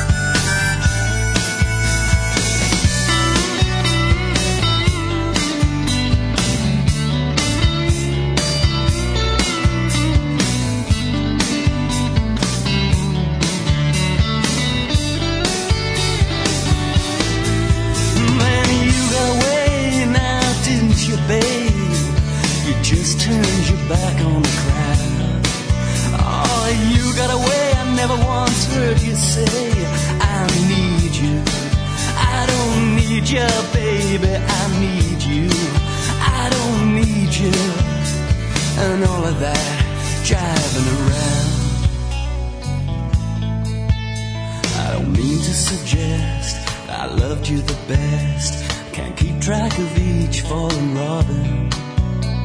I remember you well in the Chelsea hotel. I don't think of you that often. E što je lep Lloyd Cole, što lepu pesmu peva. Odličan je ovaj obrad od Leonarda Cohen, inače, mm -hmm. Chelsea Hotel. Uh, ovo je bilo toliko heavy da sledećeg četvrtka možete da preskočite krvarenje iz uši. Bucko je realno dva četvrtka. Yes, uh, taj krep je najniži oblik repa za netalentovane džibere. 100% postoji neki automatski proces pravljenja gde samo upišeš dva, tri parametra i izađe muzika. A nije, nije, ima, ima i tu. Nemač, to je taj izraz da. koji je falio. Ove, ovaj, um, kaže, molim da se Buckvi nekako ubaci u kolekciju džinglova budućih. Ovaj Goran Vesić Dirks on this. Mm. E, ne znam, ali meni je refren baš catchy. Evo, sedim i se u javnom preduzeću čim čujem. Ovo, ovaj, ali ovo je dalje bolje od prosječnog beogradskog pa, sindikata. Ja vam kažem da je ovo neko napravio ko zna, mislim, to o tome smo pričali. Kaže, ovo je beogradski sindikat za ometene u razvoju Zagrada paradoks paradoksa. Da. Ovo je prvi put da sam vas isključio i nastavit ćemo za 10 minuta. Mm -hmm. Ja nisam čula namjerno i nadala sam se da neću ni morati, a vi crknite. E, pa onda ovako, ovaj, da, odvezo sam, sam auto na servis. Može li Stanislav Hočevar da se pomoli za njegovo zdravlje, to je da me majstor ne odere? Što bih ti rekao? Odvesti četvorotočkaša na servis i priključiti ga na diagnostiku je stresno u životu svakoga bogobojažljivoga e, čovjeka i, i žene. Ali okrenimo se. Zapamtimo, zapamtimo. Samo smo... Diagnostika je umorstvo. novčanika. Novčanika. Mi moramo sprečiti zače, ne možemo sprečiti začeće kvara. Ali moramo biti u svoj automobil kao dar Boži koji ne možemo pustiti jer samo Bog može da proglasi automobil za nevozni. Dakle, ovaj, upoznaj se s majstorom, to je jedini način. I onda veruj da te ne levati. Eto, to je, znači, nemaš majstru dokat i to je tako. Šta fali, ja, recimo, ja zbog Bucka da kandidujem ideju da se Srbija pretvori u poligon za paintball i stazu za skatere. Pa, mislim, uskoro će to i postati. Tekst i navijački refren su BS, estetika spota je THCF, mm -hmm. drugari BS koji pevaju o košarci i Kosovu. Tako je. Da. Um, kaže, ovaj, da vam javim do da subotu stiže se Jesa Exxon u Novi Sad. Videla sam da ima svirku, ne znam gde. Ne volim, ja, da budem iskren, meni pušenje se Seksona bez veze. Znači, meni je zabrano pušenje završilo se s Jugoslavijom, tako da nije mi govnarsko, naravno, S.S. Ekson mi je car i, i mm. čovjek od integriteta, ali mi isto njegov deo zabrano... Autorski mi je tanko. Ja autorski da tanko i to mi se ne da. sluša, jednostavno. Da. Naravno da mi je bolji čovjek i da, ga, da bi volao da ga, onda se družim s njime, kao što ne bih sa Neleto Karolićem, ali mi je zarevsko pušenje isto tankoće, ono. Dok mi je ovdje, kao, ne, ne, Beogradsko mi se gadi, a Sarajevsko mi se samo ne sluša. Pa meni onaj Jugo 45 tanko. Mislim, tanko, ja stvarno mogu gažem. Sve to što sam, pa sve što sam preslušao sam jednom. Ima, i... zato što je otišao, znaš šta, ono, nes, nesporno je da kad prođeš da. kroz ratno iskustvo, kroz ratno iskustvo i ta sranja i taj, taj vrd, vid razočarenja i muke i svega, to ostavi utis, utice na tebe i onda posle Jeste, jednostavno nije, samo... nije zabranjeno pušenje, that's not what it's about, pa, razumeš? Pa, ja e, i ti smo hiljadu puta pričali o to, tem, tom bendu nedostaje Jugoslavija da bi mogao da funkcioniše.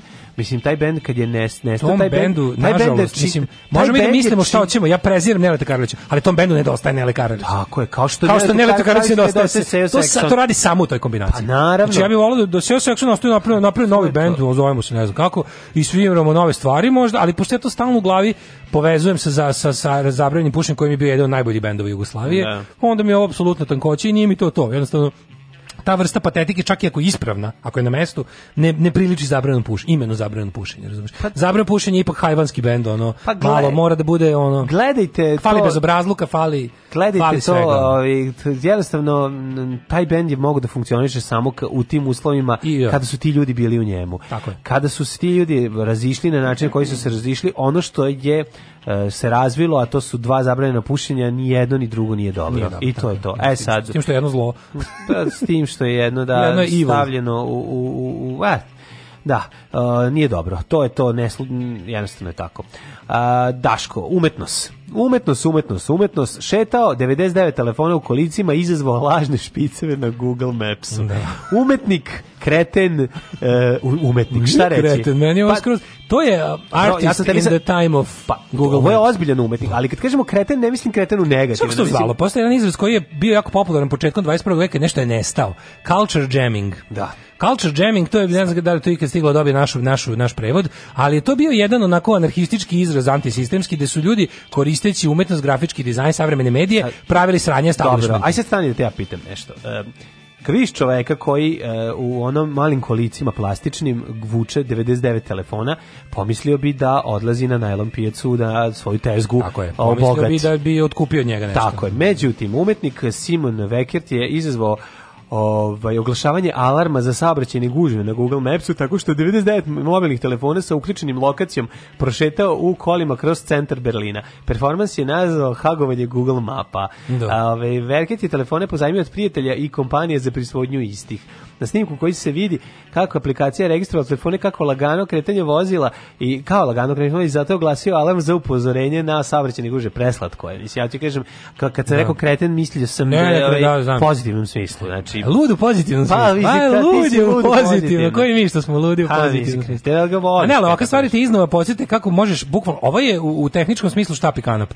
Znači, ono, ovo je u tehničkom smislu, ovo, ovo nikakva, no. Da. nikakva ovaj, tehnička potkovnost ne treba da bi ovako zajebavao jedan jedan veliki sistem na koji se gomila ljudi bespogovorno oslavlja, no. Da. oslanja kao što je ovaj Google Maps. Mm. I sad ti u stvari šta možeš? Možda vidiš da čovek ukoliko želi, znači, pokazuje ti samo koliko su stvari kojima smo poverili sve u životu nestabilne. Da i kako nisu potrebni ono ne znam kakvi kompjuterski stručnjaci, pisci kodova i hakeri iz ono tajnih da, da to ono neki iz, iz super podzemlja nego da mora čovjek jednostavno da napravi diverziju ovog tipa pazi ti on ovo je Ovo je, pazi, on je, on je mogo, pazi, on je mogo da stvori realnu gužvu time što će samim tim da napravi fake gužvu na nekom mestu i da svi vozači Ubera, svi razni on taksisti koji se oslanjaju na, na Google Maps da se da prođu kroz Berlin u tom trenutku se preusmere na neki alternativni pravac koji je već sam po sebi on kao znajući taj kraj manje prohodan i da naprave ozbiljno Razumeš? Možeš iz jebancije da parališeš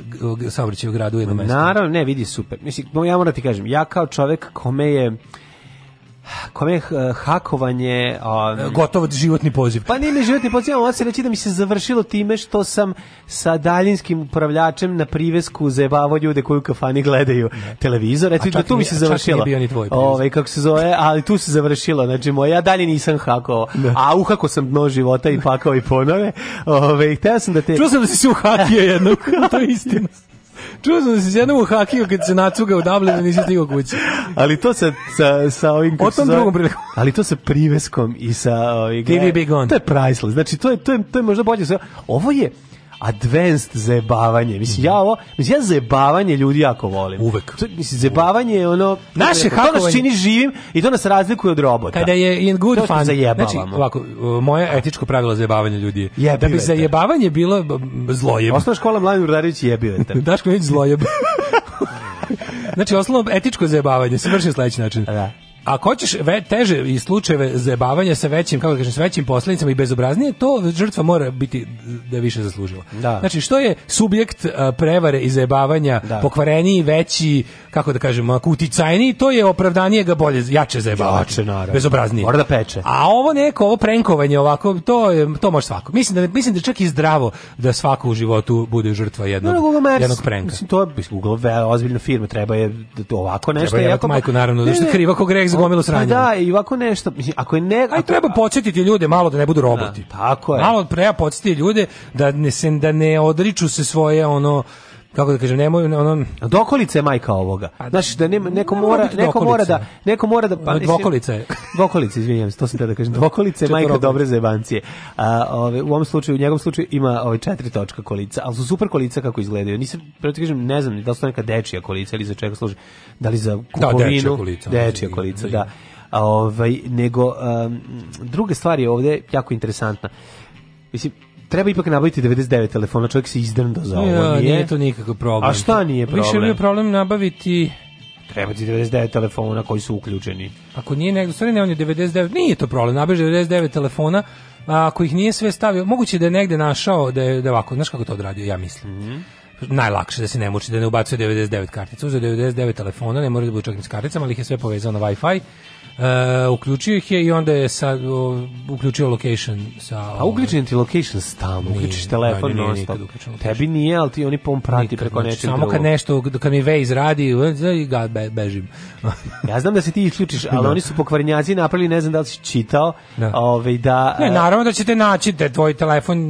Ne, to policija će te naći. Ne, napravili su ti kad ti lokacija isključena da i dalje da, da, da to ne znači da ti je isključena. Ne, lokacija ti jeste isključena što se tiče Googlovih satelita. Tako ti možeš da ne, da- ali policija može da nađe preko dok pazi i kad je i mogu da mogu da nađu se ugašeni. Preko snajper bave policija može da naći. Čekaj, nađu se ugašenim telefonom. Pogotovo što je problem što kod kod iPhonea ne možeš da izvadiš bateriju. Ne znam da li si video, bila je rasprava i u toku je bilo bila neko je. suđenje da, ozbiljno. To je Huawei radio. Vezano za to, to zato što Huawei a pa nije davao nikada da se zapravo isključi lokacija. Da se ne da ne može da, da se To je bila huawei u da, saradnji da, s Googlom. Znači to ne bi bilo moguće bez Googleovih servisa. Znači Google zna to. Da, Apple je malo više jel na strani pošto ima tu libertarijansku filozofiju pa se lože na to kako je država neprijatelj gde, taj, mhm. to je deo u kom su u pravu, ali ovaj, a, e, u principu da, kod Apple isto problem što Apple ne možeš trajno isključiti izvor energije, dokle god on postoji naći ćete, ali ono kao ozbiljni ne, ne više Google i ne više ono komercijalni servisi, ali ćete naći policija. Naći ćete devojka koju hoćeš da je ovaj da iskideš aplikacije. Recimo,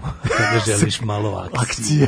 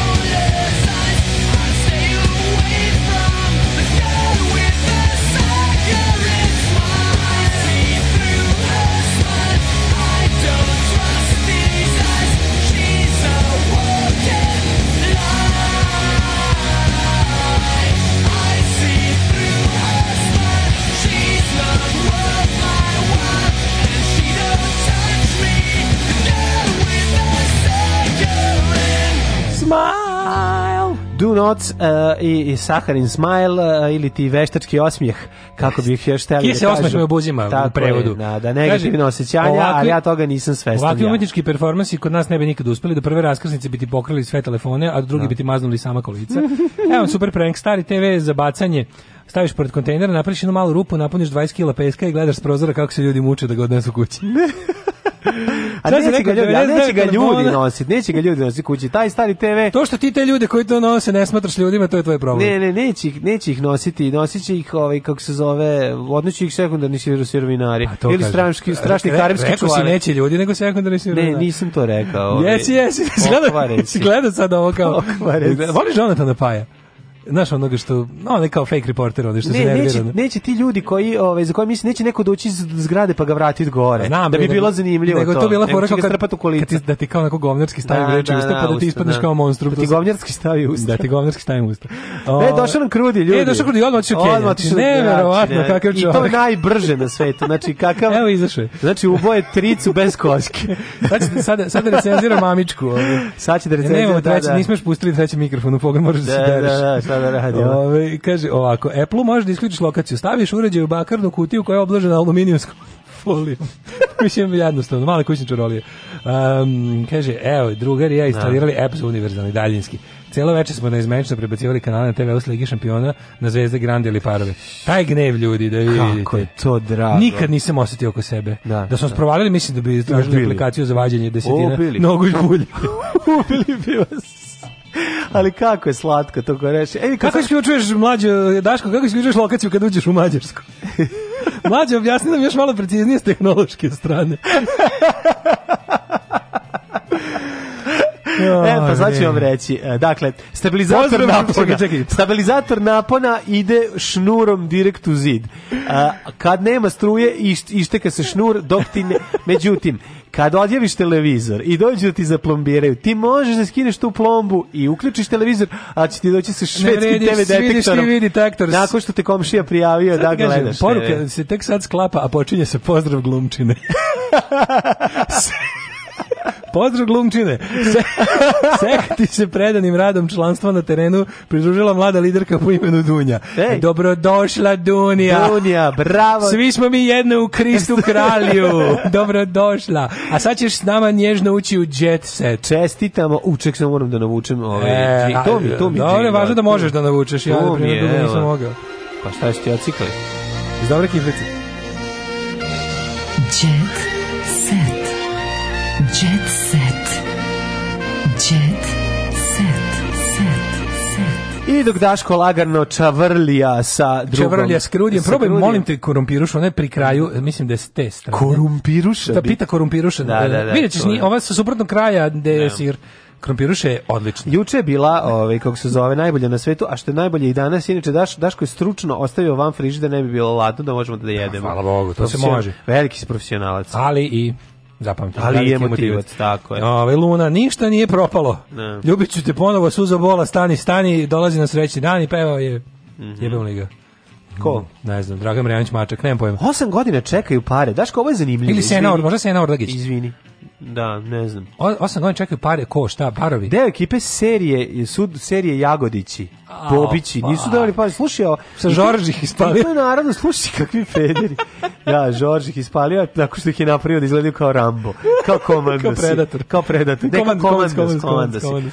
Uh, koji, i naravno, znaš ko nije dobio? Rado je Čupić. Znači, novosadski glumci nisu dobili pare. Da, pa pizdama materi na Beogradski. Kako da se ne ocepimo onda od vas? Naravno da su pogovi. A slušaj, producent Dejan Lučić, nisam u situaciji da komentarišem ceo slušaj jer nisam u zemlji.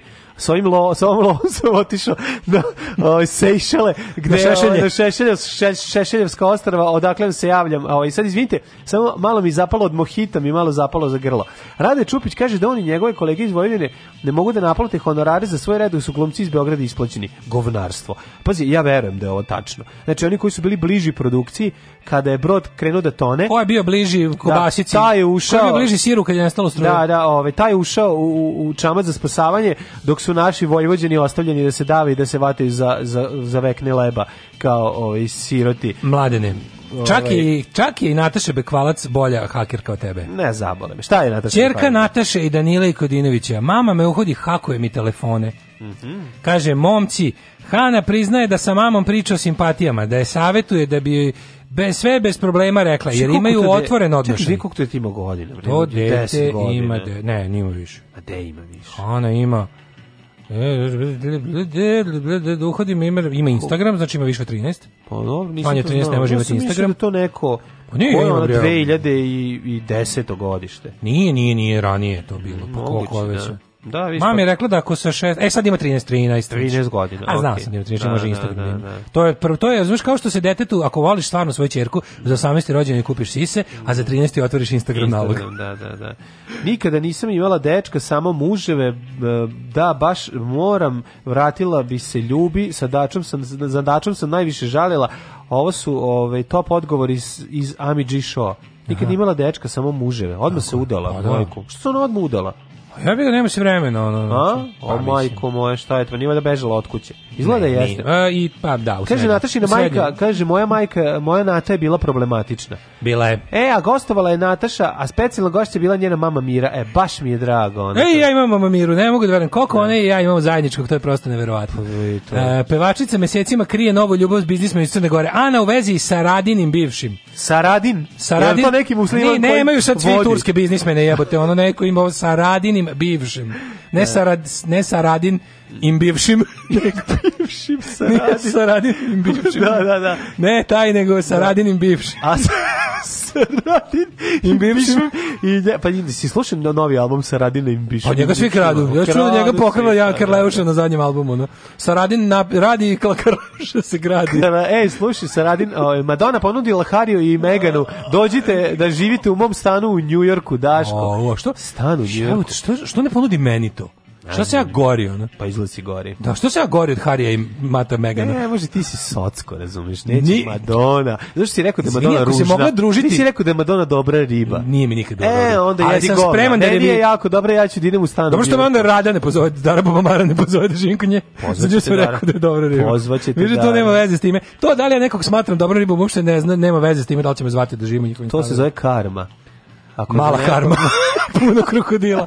Nego sam teo da ti kažem da... Ovaj, Tek pa što su objavljene fotke si, vile u Vancouveru koji kupio bivši prinčevski park Kraljica Popa snimila je video u kome ih poziva da se nastane u njenom domu. Ne znam kraljicu dopa, da. da. Ovaj, ali ni ona neće da mi da stane. Nego sam teo da ti kažem, ovaj, šta ako je mogla se... dopa mi zaboravila da izađem iz njenog doma. Godine, dve, tri godine se vukla i družila sa ovim Eugeneom Hacom iz Gogol Bordela. Pa on je gori socu nas dvojice. Ko to? Madonna. Madonna. Stvarno. Najbolji drugari najbolji drugari. Pa kad si zanimljiv čovjek. Pa i mi smo. Pa dobro, ali nemamo svoj uh, Šta, gypsy, gypsy punk, punk band. Pa, pa, da. Imamo, imamo samo gypsija. Imamo gypsy gypsija. Imamo gypsija, ja, imam, ja imam, imaš i punk band. Ja imam punk band i ti ćeš ja biti gypsy. imamo sve onda. Tako da molim te. Može. Ovaj um, danas se kultura i duh ubijaju, kaže Andrija Milošević, čovjek pao, čovjek pala kultura.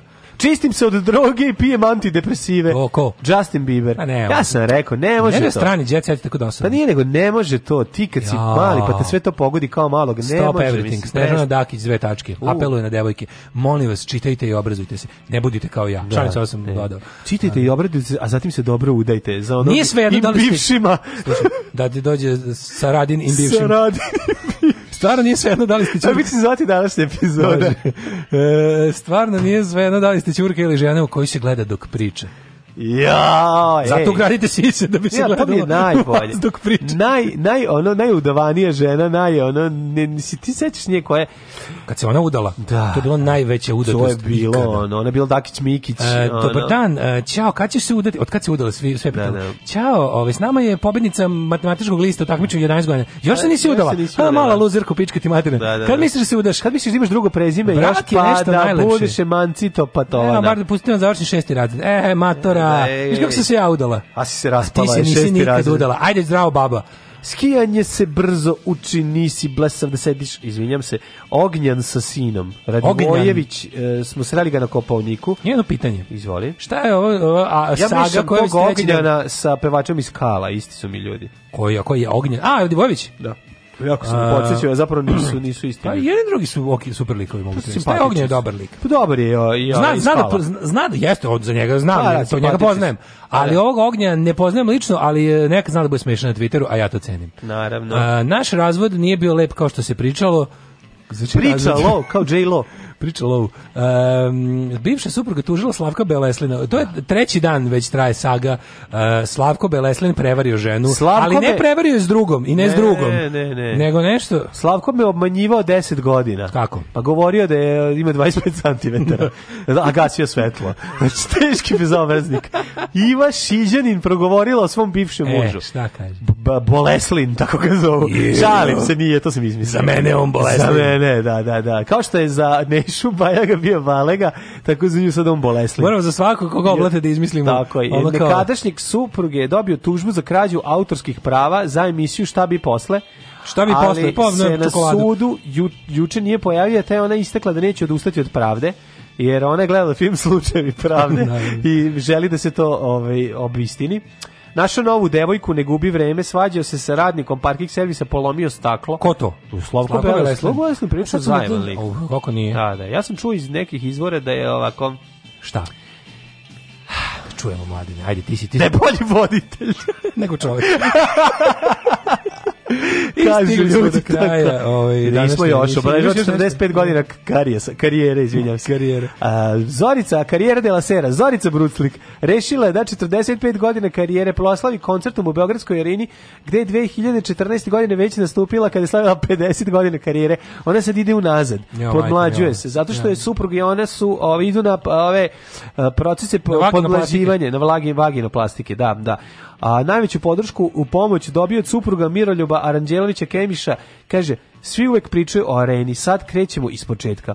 Miroljub je u ozbiljnim pregovorima gde i, I zakazala je motel Radmilovac. Jubilej. Neško, and then she went back to her roots. A zamisli ide do kraja da napravi VH1 Storytellers. Ne, u Šapcu. VH1 Storytellers. Zamisli to. Uh, ovaj, kako se zove, The Rise and Fall and the Rise of... Uh, and the Fall. Konflikt and the Fall. Pošto će pasti. I onda bude kao, and then no. Da. she went back to her roots. I vidiš, onako u 2020. Da, da, u martu zakazuje bife proleće u Petrovcu na Mlavi i tamo ono na karirnom stolnjaku se penje i gine. Ne, nego, dve, nego 2020. godine, pošto se vratila totalno svojim korenima, mm. fura ovaj, u velikom ritu uh, vuče ono po nekoliko. pa sad koliko ne, ti hoćeš. baš to the roots. A koliko hoćeš? Više ovako a? to the, ne znam šta. Nađi na akumulator i kaže 200 dinara, yes. Yeah! to je to, to, je baš povratak Koreje. To je, back to, to je baš roots, to je. Da, da, da. Ne taj roots. A zamisli da se vrati skroz korenima. A zamisli da se vrati skroz, skroz korenima. I počne trguje konjima. Ne, nego. to su baba i dede. Pa to. Ne, ne, nego se vrati baš skroz korenima i pojavi se u filmu onom pioniri maleni. I malo me povata pravo da vam kažem. To bila ona... Samo sam bezobrazan. Ćao. Zdravo. Tekst čitali Mladin Urdarević i Daško Milinović. Ton majstor Richard Merc. Realizacija Slavko Tatić. Urednik programa za mlade Donka Špiček. Alarms svakog radnog jutra od 7 do 10.